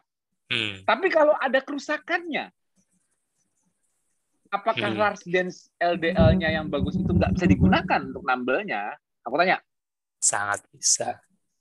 Ah, Mas Budi mau nanya ke. Udah dijawab itu dia itu ya, oh, bisa, ya? bisa semua. Aku nggak nggak ya. Oke, berarti berarti dengan tidak berarti gini ya. Analoginya ikutin. Dengan aku nggak makan karbo, ikhtiarku dengan nggak makan karbo, aku jadi pembakar lemak, logikanya trigliseridku rendah kadar-kadar tinggi. Sehingga lipid profilku bagus. Rendah small dense LDL. Berapapun total kolesterol yang beredar. Karena dibawa oleh partikel yang large dense. Resiko teroksidasinya rendah. Betul dong? Resiko teroksidasinya rendah dibanding small dense. Maka coba aku tanya, yang membuat small dense dan large dense itu bagusan large dense apanya sih? Coba aku tanya. Karena small dance itu lebih gampang teroksidasi kan? Iya. Lebih gampang mem memicu aktivasi sel-sel imun. Aku udah pernah jelasin sampai situ gak sih? Lebih mudah mengaktifasi mengaktifasi sel-sel imun contohnya makrofag atau monosit untuk berubah menjadi tipe M1. Hmm. Udah mulai pusing belum yang teman? makrofag M1 makrofag yang tipenya inflamatory. Ya ya aku ya udah pernah udah pernah pusing udah banget. pernah jelasin. Pusing banget. Jangan aja. Kan kalau udah jatah kan jatahnya mutingin orang. Kalau ini kan asik-asik aja kemarin. Aduh. Jadi jadi kenapa small dance LDL itu resiko kalau banyak resikonya resiko arteriogenik karena apa? Karena small dance LDL itu mudah teroksidasi dan akhirnya memicu aktivasi sistem imun untuk menambah. jadi inflame bisa gini ya, memicu peningkatan inflamasi juga secara sistemik yang berimbas hmm. di uh, pembuluh darahnya karena karena small dance itu memang sifatnya seperti itu. Makanya kita mencegahnya dengan cara jangan banyak-banyak small dance, Cara ngelihat hmm. hitungnya gimana? Lihat trigliseridnya harus rendah, HDL-nya harus tinggi. Sehingga rasionya di bawah tiga, optimal di bawah satu. Kalau trigliserid dibagi HDL, yang seperti aku udah sering ajarkan. Itu cuma penurunan resiko, baru penurunan resiko. Tapi bisa nggak pembuluh darahnya rusak? Tetap rusak. Resiko untuk oksidatif turun. Bisa nggak rusak? Bisa. Naikin aja tekanannya. Pakai apa? Pen? Pen? Si. Nah. Tingkatin aja gula darahnya. Biar biar oksidatif stresnya meningkat lagi. Ningkatin gula darah pakai apa? Saya nggak cheating loh mas. Ya bodo amat tuh cheating apa enggak. Enggak, gue mau nanya. Emang kalau nggak cheating gula darah tetap normal? Hah? Ayo, kan makanya makanya jangan jangan capek kalau orang nanya 24 jam ngapain aja. Kenapa? Jangan membela diri dengan makanan karena memang metabolic input bukan dari makanan doang. Udah nggak cheating, makannya konsisten, gula darah naik, ditanyain ke belakang nggak mau. Ya nggak bisa lah. Karena yang bikin gula darah kamu naik bukan makananmu walaupun udah dijaga. Faktor metabolic input apa yang membuat gula darah gampang naik, tensi gampang naik? Contohnya, effort yang berlebihan. Itu enggak? Itu enggak? Effort yang berlebihan apa? Effort hmm. di KF itu effortnya ngapain sih? Dari mulai kamu effortnya ngapain? Nah, makanya karena yang dilakukan di KF itu lifestyle intervention, jadi enggak memang betul makanan kita bahas, tapi nggak cuma di makanan doang. Makan itu berapa jam sih? makan nggak nyampe lima menit kalau makannya cepat habis selesai habis itu ngapain jadi dalam 24 jam itu makan nggak seberapa Sem tapi apa yang kamu lakukan itu semua memberikan metabolic input untuk untuk mengembalikan keseimbangan makan pun mengganggu keseimbangan mengganggu eustasis makanya ada insulin ada glukagon ada berbagai hormon lain untuk mengembalikan eustasisnya seimbang kembali tadinya habis makan gula darah naik ada insulin, gula darah turun lagi. Eustasisnya di mana? Gula darah puasa, diganggu makanan, insulin naik, turun lagi, eustasis lagi. Betul nggak? Betul nggak? Dari pagi bangun, seimbang, gula darah puasa hmm. segini, masuk makanan misalnya, ada perubahan, tapi diturunin lagi, dimasukin ke dalam sel kah, atau dipakai buat apa? Dia, tubuh itu maunya menjaga eustasis. Hmm. Homeostasis deh nggak ngerti homeostasis. Homeostasis kembali ke nol lagi. Hmm. Reset. Nah, jadi makan pun, jadi makan pun gangguan. Gangguan itu harus dibereskan oleh bantuan hormon-hormon lain supaya kembali seimbang lagi. Itu gangguan makan. Sekarang olahraga gangguan nggak? Ya. Yeah. Gangguan. Kalau tadi masuk makanan gangguan positif, olahraga gangguan negatif. Hmm. Kekurangan energi, makanya ditingkatkan lipolisisnya. Di, di, di, di, di, dilepas lemaknya supaya bisa mengisi permintaan energi yang kurang, gangguan gangguan keseimbangan karena apa? Karena ada permintaan energi besar dari olahraganya. Diisi suplainya kembali eustasis seimbang lagi. Jadi di sepanjang tubuh menjaga eustasis dari bangun tidur terganggu oleh olahraga negatif, kembali eustasis. Makan positif, kembali eustasis. Eh, tanganku tadi sampai sini kelihatan nggak? Kelihatan. Ya kan? Nah, olahraga, eh, bangun eustasis, olahraga negatif balance, gangguan eustasis di, dikembalikan oleh lipolisis pelepasan lemak, patah lagi, makan positif, gangguan positif, berlebihan, menaikkan gula darah dan sebagainya, diturunkan oleh hormonal, kembali eustasis lagi setelah makan. Betul nggak? Itu yang dilakukan tubuh belum? Bukan. Selalu berusaha mengembalikan ke eustasisnya, keseimbangan kembali dari gangguan-gangguan itu. Nah, makanya kalau selalu diingatkan 24 jam kita, makanya bilang, orang nggak ada yang ngerti, maksudnya metabolic input itu gimana sih, Mas? Ya itu, metabolic input yang mengganggu keseimbangan. Hmm. Keseimbangan tensi. Tensinya kok bisa naik? Gangguan keseimbangan bukan. Hmm. Keseimbangan gula darah gula darahnya kok bisa naik atau turun? Gangguan keseimbangan bukan? Aku tanya sekarang. Gangguan-gangguan ini terjadinya saat makan doang apa 24 jam faktornya? Aku tanya, makanya biar biar pintar fisiologi. Bener nggak semua faktor yang terjadi pada kita itu cuma di makanan tok?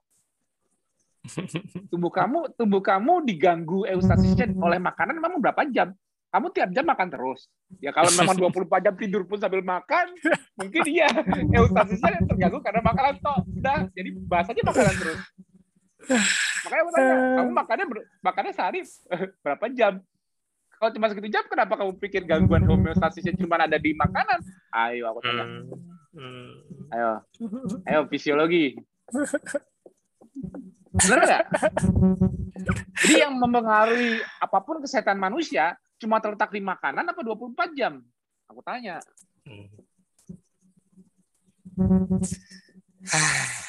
Langsung ya, udah, udah, udah, udah, udah mulai udah mulai tercerahkan belum?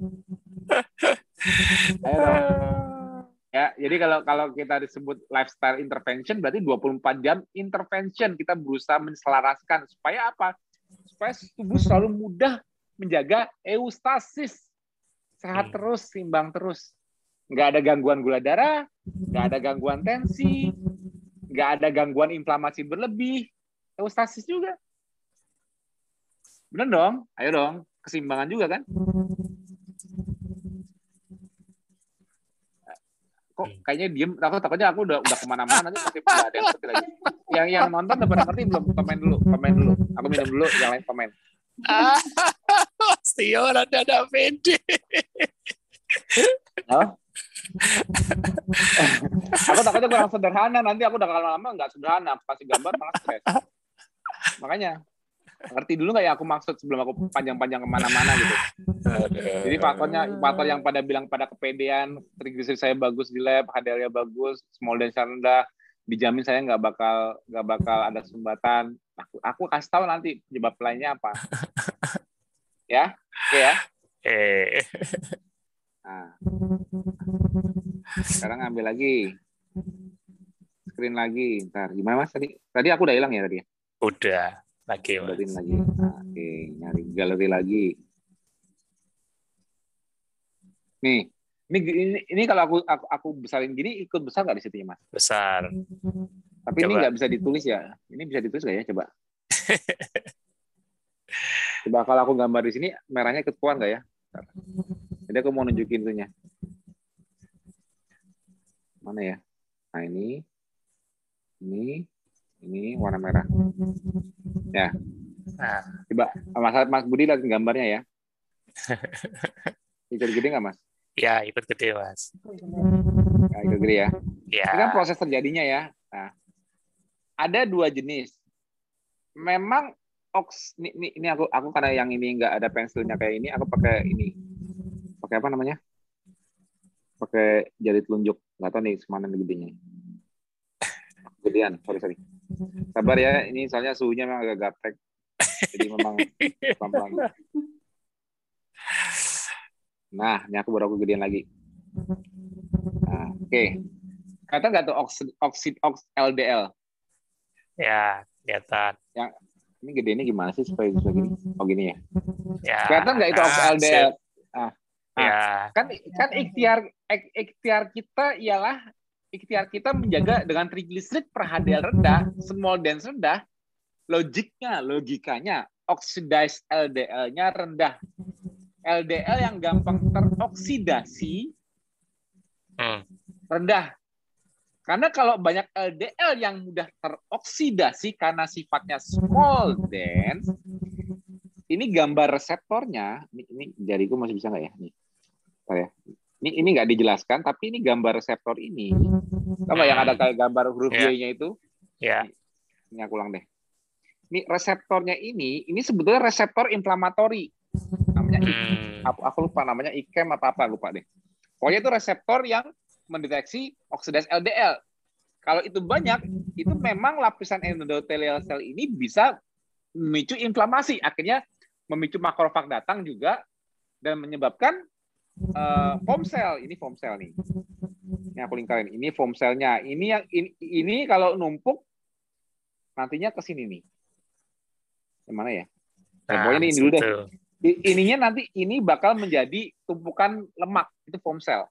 Tapi untuk untuk menjadi ini bukan sekedar oksidasi LDL. Kalau ada kerusakan, lihat. Ini ada apa sih kondisinya ada aku lagi. Ini kan tadi oxide oksid ya hilang lagi. Ya kok ini susah sih karena ini kan oksid. Aduh, kapan pinternya jadi guru ya? Sabar, Mas. Enggak ini soalnya susah banget aku praktekin teknologi untuk ini ini susah gitu Nah ini oksidas LDL. Ini cuman LDL biasa. Nah aku gedein lagi biar kelihatan. Aduh, sabar. Nah. Jempolnya kurang gede. kurang gede. Tapi ingat, jadi oksidas LDL yang memicu inflamasi betul. Ini bisa tapi kalau ada kebutuhan untuk perbaikan, LDL biasa bisa diambil nggak? Ini buktinya. Ini buktinya. Bisa digunakan nggak? Bisa dong. Kalau nggak bisa, LDL-nya bagus semua, oksidasi LDL. Jadi gini, ini ini pembuluh darah rusak nih gara-gara tensinya fluktuatif, gara-gara ada oksidatif stres karena hiperglikemia. Tapi yang ada di darah semuanya large dense gara-gara triglyceride HDL-nya bagus. Hmm kita biarkan aja ya ini bocor pembuluh darahnya. Benar? Enggak kan? Jadi mengecilkan jumlah oksidas LDL atau small dense itu cuma baru salah satu ikhtiar. Ikhtiar lainnya apa? Jangan menyebabkan kerusakan di pembuluh darahnya. Contohnya mechanical damage akibat tekanan. Ya. Tuh. Oksidatif stres akibat hiperglikemia. Atau simpatek tipton yang meningkat sehingga juga meningkatkan inflamasi sistem stres yang berlebihan. Makanya aku bilang, hmm. kalau nggak makan karbo, kamu yakin nggak nggak bakal stres berlebihan? Ya memang sih, Mas, aku tidak nggak makan karbo, aku lebih kalem, aku jadi sabar, Mas. Cile, yakin, yakin bisa sabar terus, yakin bisa bisa bisa itu. Oh ya, oke. Okay. Ada yang bilang nggak yakin. oke. okay. Benar kan? Jadi jangan pede dulu. Nggak makan karbo itu tidak membuat kamu super power. Hmm. Ya memang betul dibanding makan karbo, kamu punya kelebihan untuk lebih menjaga sistem stres, punya kelebihan untuk tidur lebih enak. Baru dikasih kelebihan, dikasih modalitas. Dan semua pasti ngerasakan. Iya mas, begitu saya KF, tidur jadi gampang, puasa juga gampang, olahraga juga gampang. Menu lima pilar itu mas enteng. Hmm. Gampang rileks juga kok, nggak stres kayak dulu. Bisa nggak kayak gitu terus dengan kondisi duniawi kita, tuntutannya dan sebagainya, apa pun aku nggak tahu lah masalah masing-masing di rumah masing-masing. Bisa nggak jaga gitu terus? Hmm. Yakin. Modalitasnya dapat. Semua ngerasain nggak? Jujur, semua orang yang udah ketosis, ngerasain nggak dapat modalitas itu? Baru modal ya, modalitas. Dapat nggak? Dapat modalitas TG per HDL rendah dapat modalitas tidur gampang, dapat modalitas bisa sabar, nggak bisa lebih kalem menghadapi masalah. Itu kan semua baru modalitas. Kalau modalitasnya nggak dipakai atau malah dilawan, kira-kira bisa nggak tensinya fluktuatif? Bisa nggak gula darahnya naik? Mas, kalau nggak makan karbo kan logikanya HbA1c kita turun, Mas ya. Hmm. Yakin nggak HbA1c-nya nggak bakal pernah naik lagi? Coba aku tanya, yakin nggak? Yakin nggak orang yang setelah ketosis, dia nggak HbA1c dia selalu rendah terus, nggak bisa naik lagi? Yakin nggak? Ntar kaget loh, ntar kaget begitu ada yang setelah tiga empat tahun HbA1c-nya bagus, tiba-tiba kok saya jadi jadi kayak prediabetes lagi, 6 koma lagi, misalnya 7 koma lagi. Padahal saya nggak makan karbo terus. Logikanya kan harusnya gula darah rendah. Yakin nggak? gitu lah. Hmm. Ayo dong, makanya jangan over PD. Semuanya itu nggak makan karbo itu baru satu modalitas, bukan the whole story. Jadi posisi jendela makan itu is not the whole story of your life. The whole story-nya 24 hours. Hmm.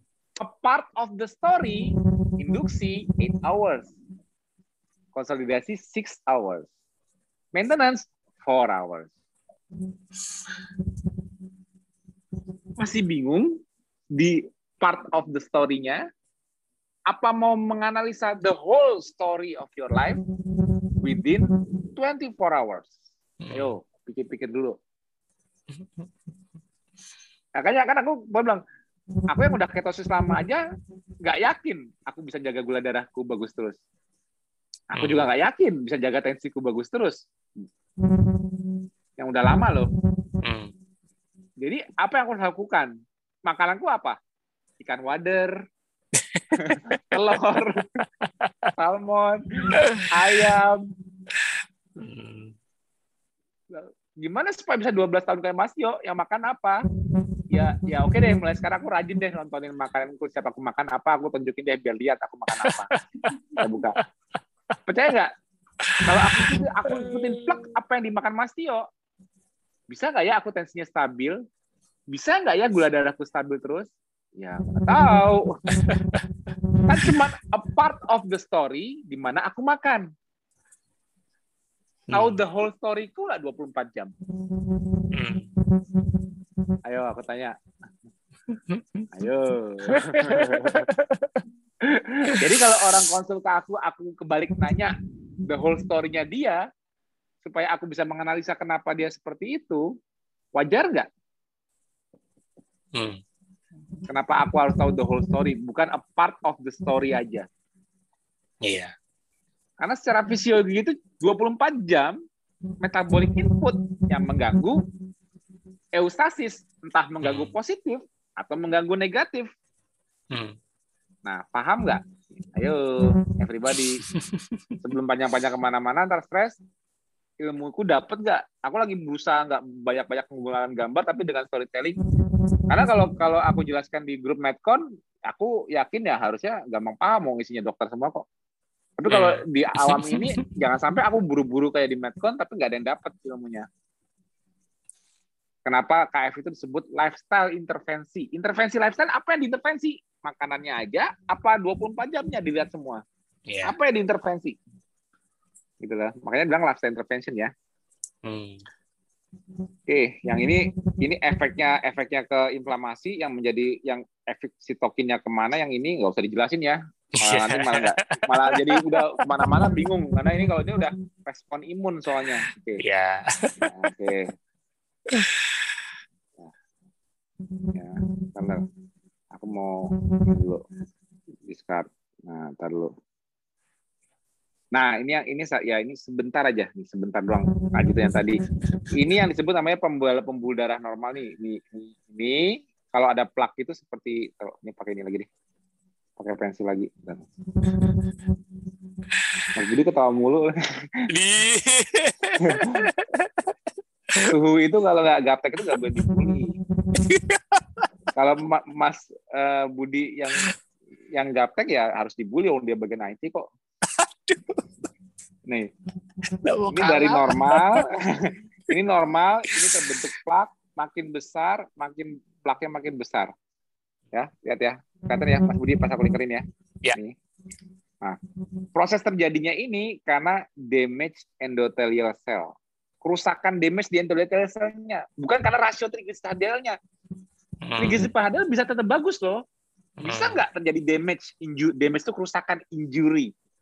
Ini yang menyebabkan. Jadi kalau terjadinya injury secara fisiologinya terjadinya injury. Jadi jadi uh, kadang-kadang orang taunya ah gimana aku kalau kolesterol rendah kalau orang yang di dunia konvensional kan yang penting kolesterol rendah aman enggak juga mau makan hmm. karbo kek mau nggak makan karbo kek mau kolesterolnya tinggi kek mau kolesterol rendah kek itu cuma faktorial yang benar-benar terjadinya secara fisiologi terjadinya penyumbatan ada pemicunya apa? Kerusakan. Kalau nggak ada kerusakan, kenapa bisa ada nyumbat di situ?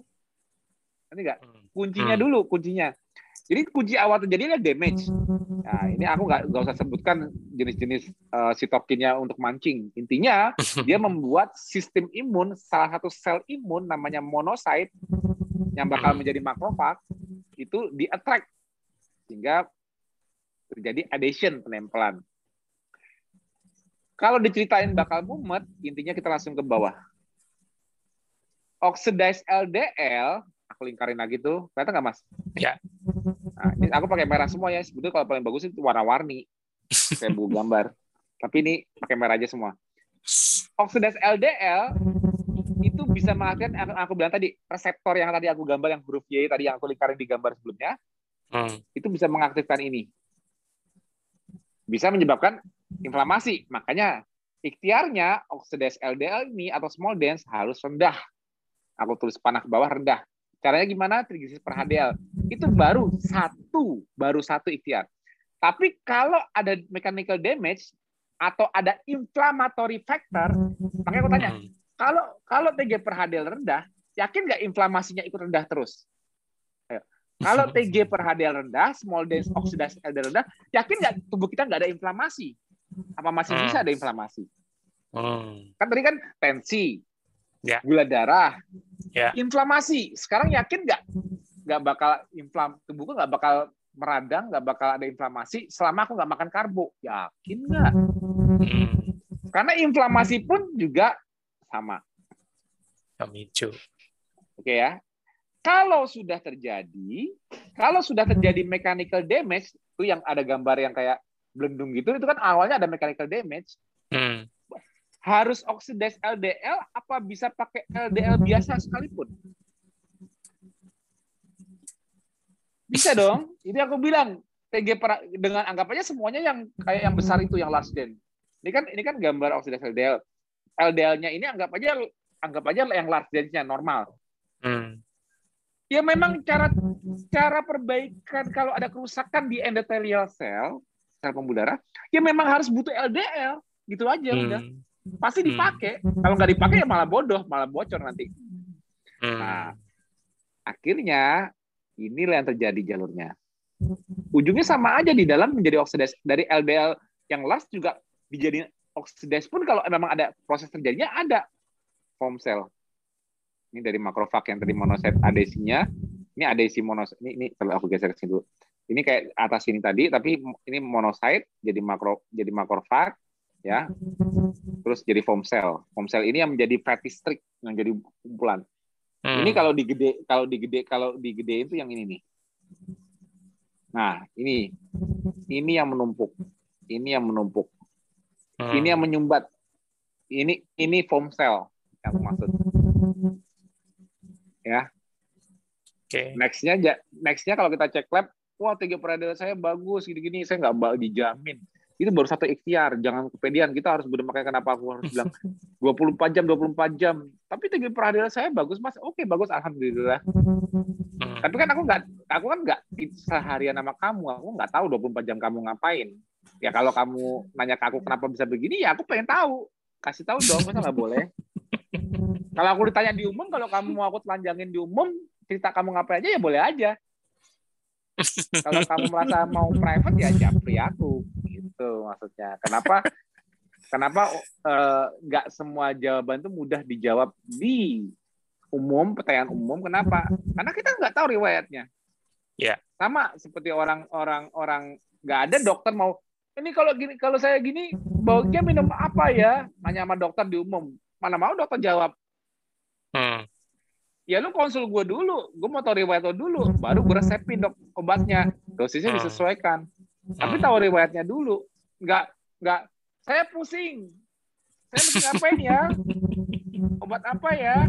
Kan itu simplicity-nya. Kalau hmm. orang nanya di di grup dan sebagainya. Tapi memang baiknya bantu di awal, oke, okay, karena ada ada cepat untuk bantuan cepat, oke, okay, bantuan cepat. Tapi untuk menemukan akar masalahnya nggak sesimpel menghilangkan gejala. Pusing minum obat, gejala hilang, selesai. Bisa pusing lagi nggak? Bisa. Sangat bisa. Nah, jadi pentingnya lifestyle intervention itu ialah untuk kita mengintervensi apa aja yang bisa menyebabkan suatu gangguan homeostasis. Contohnya pusing, contohnya keliengan, oleng, contohnya gemeter, keringat dingin. Nah, itu yang dikeluhkan. Contohnya asam lambung naik. Hmm. Jadi semuanya itu ya butuh dicek lifestyle intervensinya, betul nggak? Hmm. Di mana yang kita bisa bantu nih bantu telusuri di mana lokasi kesalahannya yang bisa akhirnya end up-nya akhirnya seperti ini. Akumulasi dari gangguan eustasisnya, imbalance-nya. Imbalance-nya manifestasinya beda-beda. Ada yang malah sumbatannya nambah, atau sumbatannya nggak berubah, contohnya pembuluh darah, atau malah yang lainnya, jantungnya malah jadi aritmia, atau hmm. misalnya uh, gangguan filtrasi di ginjal, hmm. malah ureumnya malah naik, misalnya. Hmm. Loh, kok bisa? Nah, kita langsung mencet, oh ini gara-gara saya nggak makan karbo saya jadi gini. Yakin nggak? Gara-gara nggak makan kamu, kamu jadi gitu. Yakin? Nggak makan karbo itu kan hanya a small part dalam 24 jam. The whole story-nya dapat nggak? Kesalahan semua nggak? Hmm. Itu yang disebut namanya lifestyle intervention, KFLS, ketofastosis lifestyle. Kita dalam ikhtiarnya menjalani KF, menjalani KF adalah mengharmoniskan apa yang kita lakukan selama 24 jam supaya gangguan-gangguan tersebut mudah dikembalikan ke eustasis. Diganggu puasa, diganggu olahraga, dikembalikan oleh relaksasi, diganggu diganggu lagi oleh makanan, dikembalikan lagi oleh tidur. Besok pagi ganggu lagi pakai puasa, ganggu lagi dengan olahraga, hmm. berusaha dikembalikan dengan relaksasi, ganggu hmm. lagi dengan makanan, kembalikan lagi dengan tidur. Hmm. Jadi kayak harus imbang gitu loh. Hmm. Ya. Harus harus harus harus imbang antara Mas, gimana kalau nggak kita ganggu-ganggu? Jadi kita nggak usah makan apa-apa, nggak usah ini apa-apa, apa-apa, ya tetap terganggu. Namanya malah nggak bisa kalau nggak terganggu. Ya, kalau nggak kalau nggak pernah ganggu ya malah gimana kamu hidup? Ya, ya tidak ada challenge, tidak ada adaptasi, mas. Ya ini asal mas. Aku mau ini kok aku ya, hilang lagi. Iya. Yeah. Tinggal tinggal sepuluh menit lagi ya. Eh, berapa? Delapan menit lagi ya. Ya. Delapan menit, delapan menit jawab PR. Tuhan. Delapan menit jawab PR. Nah ini uh. ini ini ini ini ini yang disebut jadi ini cuma ngulang doang sih Mas Budi sering yeah. Budi sering yang disebut sumbatan itu bukan yang masih baru yang masih baru ini kan yang takutnya baru ikut ini kan mikirnya kolesterol itu kan benang di darah.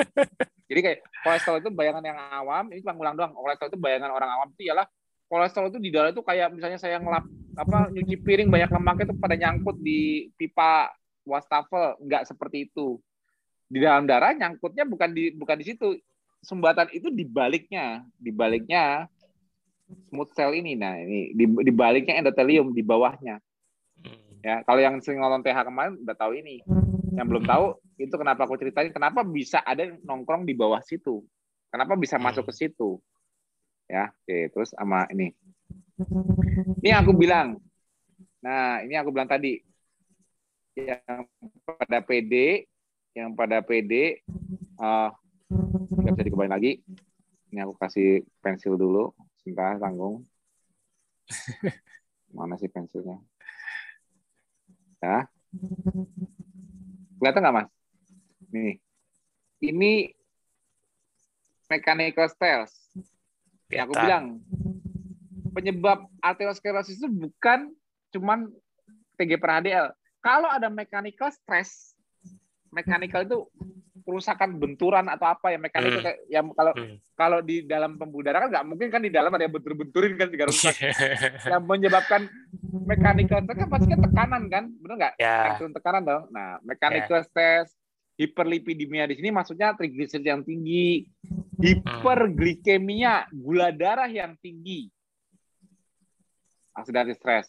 Ya, hmm. ini faktor luar lah. Kalau patogen, infeksi, itu kan patogen kan infeksi menaikkan inflamasi. Ya, uh. salah satu yang merokok, meningkatkan oksidatif stres ini cuma salah satu. Tapi hmm. kita sebetulnya lebih utama itu di sini nih. Mechanical stress dan hiperglikemia. Hmm. Ini yang orang orang yang anggap mungkin hiperlipidemia tinggi trigliserid mungkin ini ini ini ini gampang kelihatan rendah kalau udah nggak ada makan karbo tapi mechanical stress sama hiperglikemia ini ini aku tanyain yakin nggak kalian nggak hmm. bakal hiperglikemia yakin nggak nggak bakal mengalami mechanical stress lewat tensinya udah nggak makan karbo loh terbukti darahnya nggak nggak hipertrigliserid lagi malah turun trigliseridnya Hmm. Ya kan? Itu yang aku maksud. Akar masalahnya. Karena kalau sudah terjadi, inflamasi juga tetap meningkat ya. Terbentuk arteriogenesis. Hmm. Nah, ini prosesnya doang. Nanti kalau aku jelasin ini kelamaan ya. Ini sebenarnya prosesnya kayak tadi juga sih. Hmm. Ya. Oke. Okay. Terus lagi ada gambar lagi nggak tadi aku kumpulin? Nah, ini udah, ini udah. Ini tadi aku udah ya, yang formasi ini udah ya, udah aku jelasin ya. Ini ini ini, ini, tapi ya.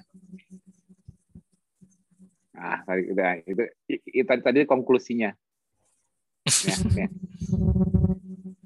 Memang logikanya kalau kita terjadi endothelial cell itu di kondisi yang arteroprotektif eh mau di kan aku perlu merahin apa gedeannya mas ini kan ini kan kondisi arteroprotektif hmm. melindungi yalah lihat deh glikolis tulisan glikolisis itu artinya penggunaan gulanya rendah hmm.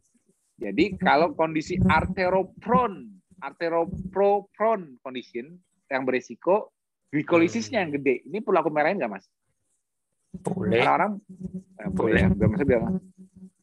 Aku tuh repotnya itu susah itu kalau mesin merah takutnya orang-orang cuma ngeliatin gambar kan gambarnya rumit, rumit. Nggak fokus di mana yang aku ituin. Glikolisis. Kalau kalau sel tersebut tinggi glikolisis, maka dia disebut arterofron kondisi. Resikonya tinggi. Kalau yang arteroprotektif, glikolisisnya rendah. Hmm. Artinya kita kalau nggak makan karbo, glikolisis di sel-sel tubuh kita rendah apa tinggi? Rendah dong. Hmm. Karena kita lebih banyak beta oksidasi dong. Betul.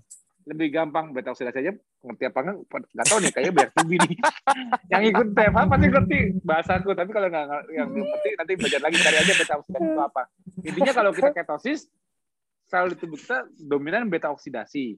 Kalau kita masih makan karbo, sel di tubuh kita dominan glikolisis. Glikolisis, ya. Glikolisis itu degradasi gula.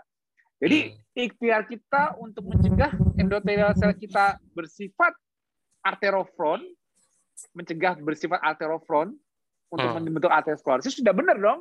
Hmm. Mengajak mengajak sel-sel tubuh kita bakar lemak, jangan bakar gula.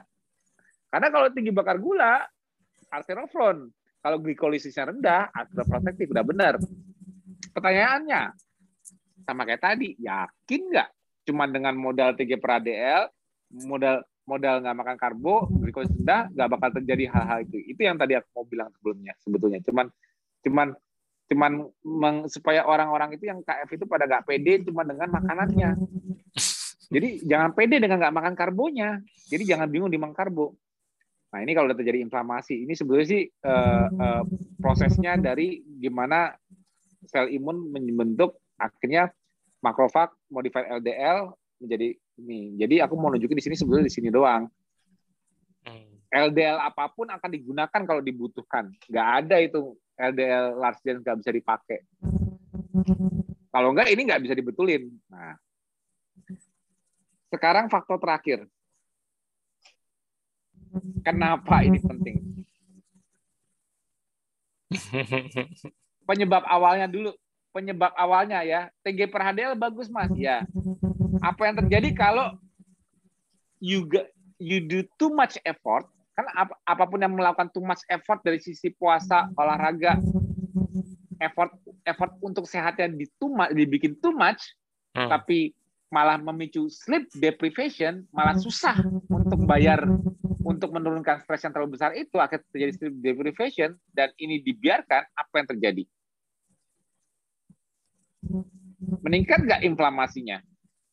Iya. Meningkat nggak oksidatif stresnya? Terjadi terjadi dominasi dari SNS nggak? SNS itu sympathetic nervous system. Hmm. Dibanding parasimpatetiknya. Simpatetik, stres, parasimpatetik relax. Lihat deh timbangannya ke arah mana? Kalau deprivation, dominan simpatetiknya enggak? Terjadi autonomic dysregulasi. Jadi kan SNS, sympathetic nervous system, dan parasimpatetic nervous system itu kan autonomic nervous system. Dua tangan yang bekerja sama agar tidak terlalu stres, tidak terlalu relax. Tapi kalau terjadi sleep deprivation, kira-kira dominannya stresnya lebih tinggi nggak?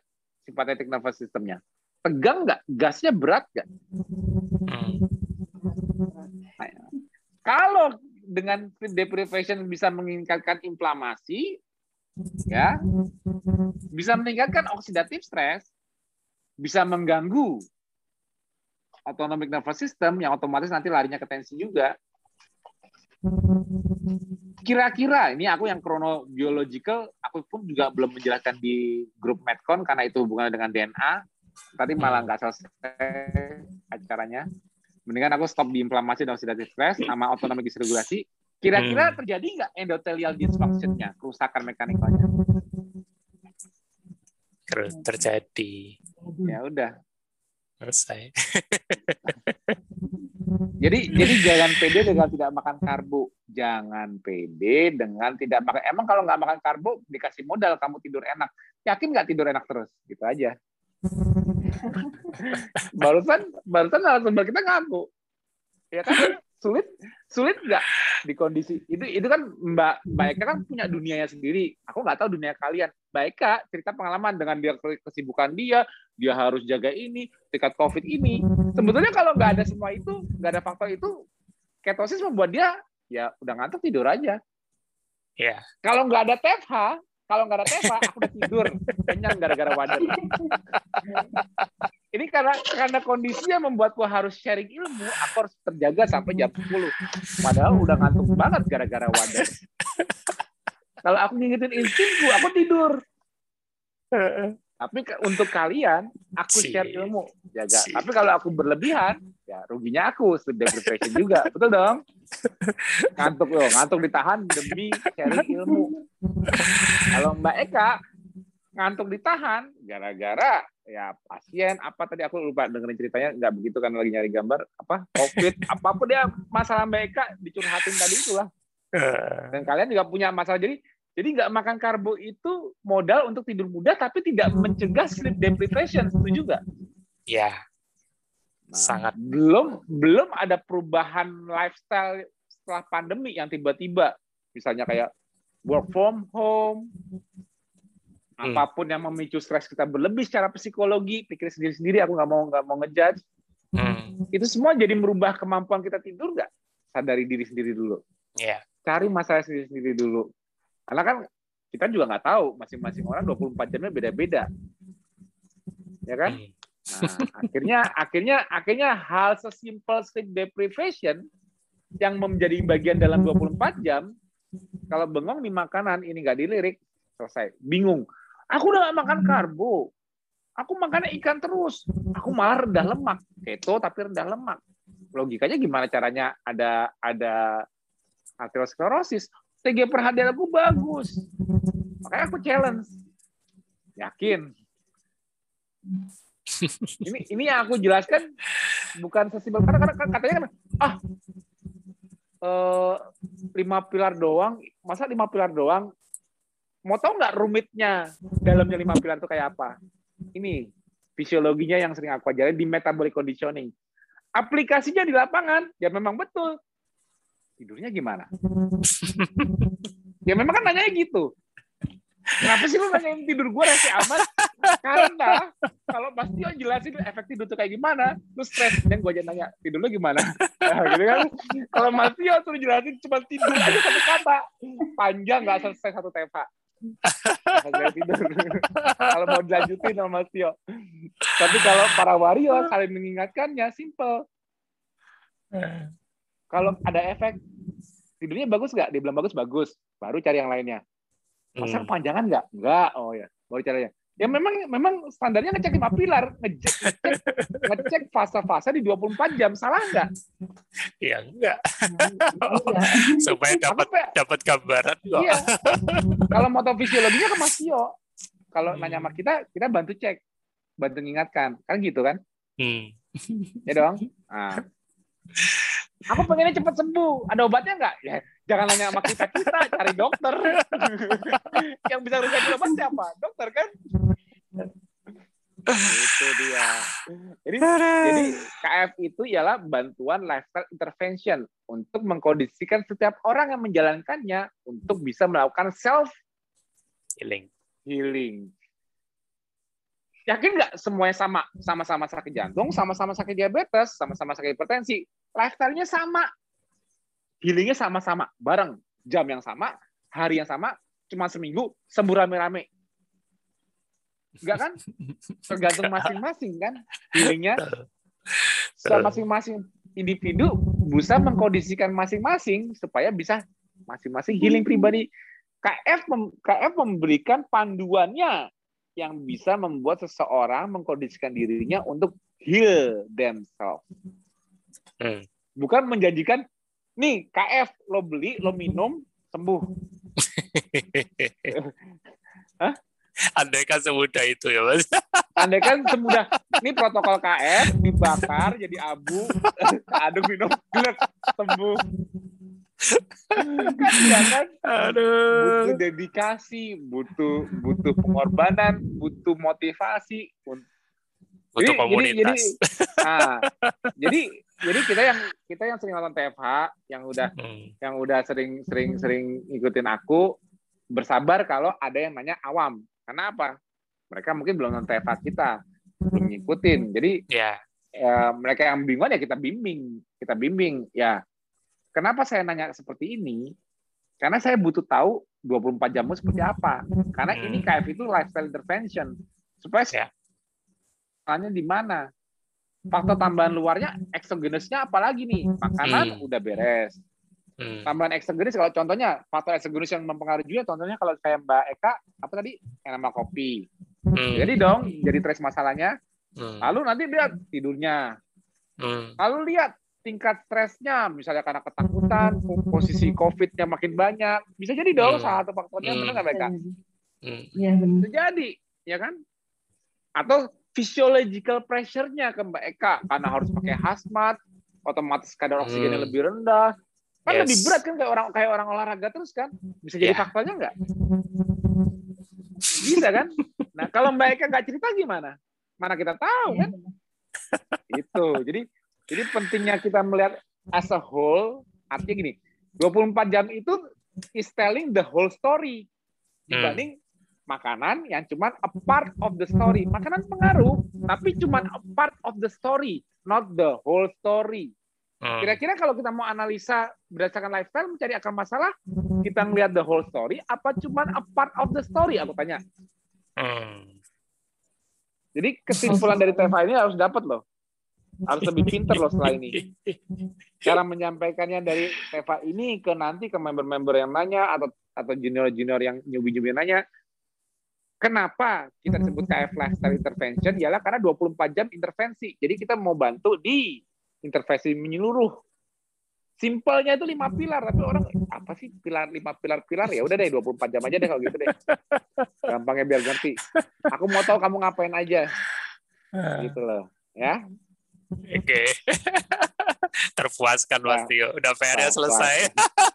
Mudah-mudahan mudah-mudahan cukup sederhana loh. Maksudnya jangan jangan jangan ya kalau mau obat intinya kita nggak bisa bantu kalau obat Iya, nanti iya. insya Allah nanti kalau kalau kalau nanti insya Allah ke depannya kalau tim admin untuk nakes kita siap, kita bisa bisa referensikan ke dokter-dokter yang bisa bantu deprescripting, nurunin hmm. obat yang tadinya dipakai dilepas pelan-pelan, atau memang perlu obat. Hmm. Tapi disarankan oleh dokter-dokter yang mengerti low carb KF. Ya. Kan lebih enak. Nah, kita lagi restrukturisasi untuk membentuk itu. Insya Allah transformasi KF sebentar lagi terjadi. Amin. Tapi, amin. amin dong. Tapi intinya inti, intinya intinya sebelum itu semua kita nanti yang instan mungkin dibantu oleh nakes untuk untuk lewat obat tapi kalau kita sebagai para admin dan sebagai kita cuma bantunya di lifestyle intervention jangan lelah kalau kita bantu ngecek di mana lokasinya dalam 24 jam kamu bermasalah sehingga kita bisa hmm. membantu membereskan akarnya walau akhirnya memang butuh bantuan dari konvensional secara medikal. Hmm. Misalnya untuk bantu mempercepat penurunan gejala, nggak ada masalah, kalau terjadi kok. Nah, Oke okay ya, paham ya. Okay. Tetap dari akarnya, karena kalau cuma ngandelin konvensional doang, gejala doang ya nggak selesai dong, akarnya nggak beres-beres dong. Oh aku ini kurang ini, makan ini. Aku kurang ini, makan itu beres nggak masalahnya? Ya enggak juga kan. Nah, itu dia. Makanya lifestyle intervention justru malah akarnya.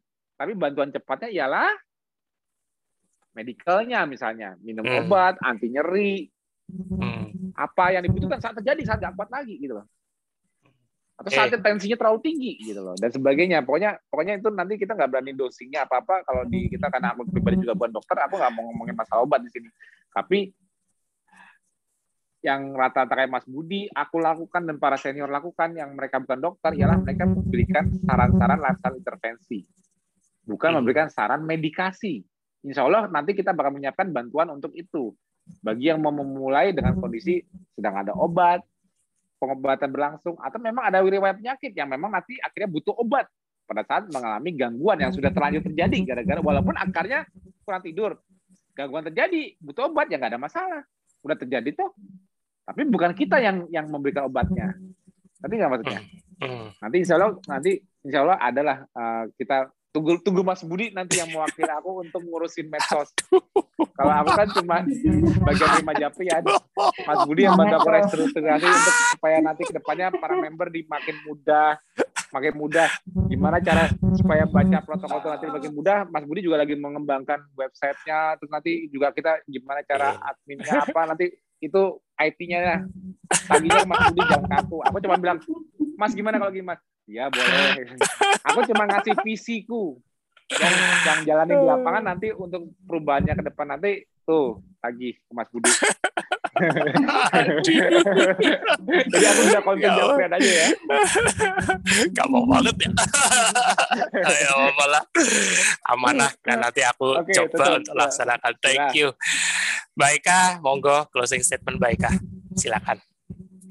Uh, closing statementnya uh, mungkin kesimpulan dari yang disampaikan Suhu aja bahwa walau sudah berkait dengan kepedean uh, harus dikoreksi lagi. Ternyata 24 jam uh, ketika Suhu menanyakan uh, menyarankan koreksi lima pilar uh, walaupun banyak yang oh lima pilar ya sudah. Uh, sebenarnya itu ternyata penting sangat penting. Dan tidak hanya tentang makanan tentang olahraga uh, ternyata 24 jam dan harus jujur menyampaikan kalau memang ada keluhan. Sehingga bisa ditemukan. jujur. Uh, jujur. uh, yang penting jujur. Karena karena karena, karena kalau kita aku udah suruh kalau udah kalau ada mata tidur aku bilang suruh koreksi tidur tapi ternyata masih belum bisa tidur juga. Nggak lapor balik. Nanti malah bingung lagi nanya lagi. Makanya benar masih kalau belum bisa tidur pasti aku bantu lagi. Oh tidurnya masih tetap susah. Oke aku bantu deh. Aku kasih saran ini saran ini saran ini. Kalau perlu pakai obat deh kalau perlu kalau udah berlarut-larut. Jadi jangan jangan aku tahu aku tidurnya nggak belum bisa karena suatu hal misalnya. Tapi nggak lapor lagi. Tahu-tahu datang lagi cuma dengan gejala lagi.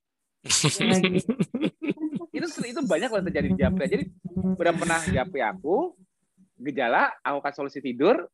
Oke makasih mas jalan. Aku nggak tahu kan mudah-mudahan dia bisa tidur. Nggak berhasil datang dengan gejala baru. Mas aku kok nambahin ini. Tidurnya udah beres belum? Masih diam lagi atau ya udah berusaha udah gini-gini aduh. Kalau dia udah kalau dia udah aku kasih saran untuk memperbaiki itu nggak bisa dia lapor lagi supaya apa?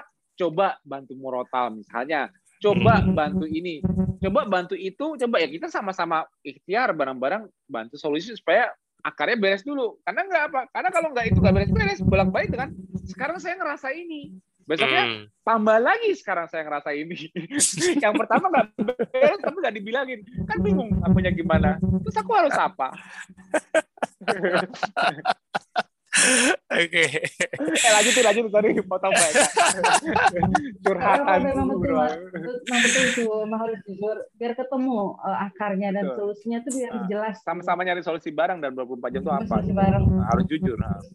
Uh, uh, sebaiknya tetap di komunitas uh, ibarat kita itu misalnya rombongan domba atau apa yang keluar dari jalur itu lebih mudah diterkam oleh uh, segala atau yang gimana yang yang kalau kita di komunitas itu kan lebih susah untuk digoyahkan. Tapi kalau udah keluar hmm. dari dari itu nanti belum punya ilmunya belum apa gitu di apa sih namanya istilahnya diterkam oleh Digoya, digoyahkan.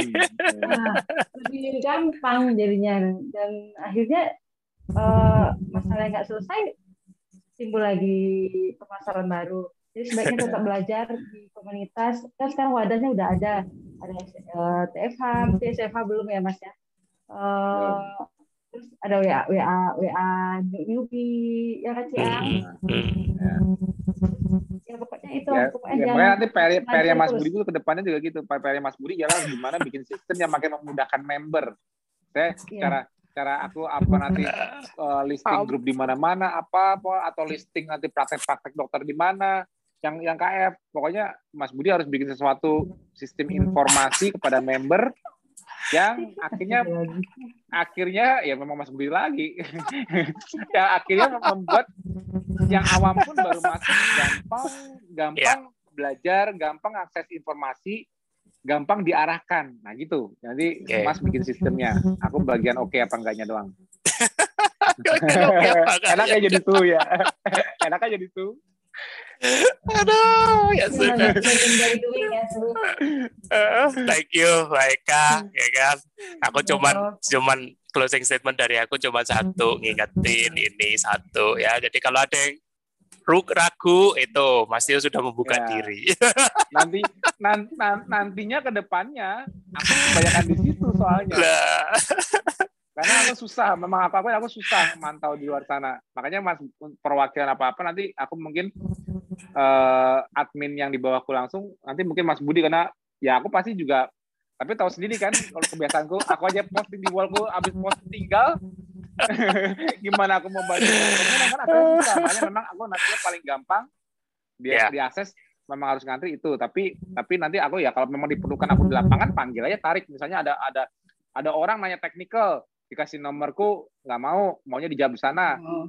Hmm. Kalau misalnya dia jawab maunya di grup apa maunya jawab teknikalnya maunya dijawabnya di grup, maksa pengen justifikasi di sana, yang lain kalau nggak ngerti jangan ngotot, tunggu kita panggil suhu dulu. Nah, ke sana baru eng eng ya saya jawab gitu Jadi jadi nggak usah nggak jadi semua busa stay technical, nggak usah nggak yeah. usah nyerang seseorang karena kita nggak ngerti cara jawabnya. Dikasih nomorku aja, kalau misalnya masih ngeyel juga, tunggu suhu suhu lagi jam misalnya aku panggil nanti aku mampir ke oh. Facebook oh. mana atau ke mana yang ditariknya aku jadi kalau technical jangan takut kita harus bisa justified di KF siap ya? thank you mas nah, itu para waris harus harus mikir kayak gitu oke okay. Thank you juga Mbak Eka ya yang sudah berbagi testimoninya cukup men, cukup wah inspirasi. Masih umur 45 loh, enggak berasa. ya. Uh, kita akan jumpa lagi ya, Mas Tio. Masih ada hari Sabtu ya, di ya. minggu ini ya. Jadi teman-teman uh, pastikan uh, stay tune di pengumumannya Polnya Mas Tio atau di grup mana pun ya teman-teman berada, terutama di grup-grup KF. Pastikan teman-teman selalu mendapatkan uh, pelajaran ya kan. Putar balik rekaman ini supaya teman-teman bisa mendapatkan sesuatu. Oke, okay? sampai jumpa, selamat malam dan sampai ketemu lagi. Ya, terima kasih semua.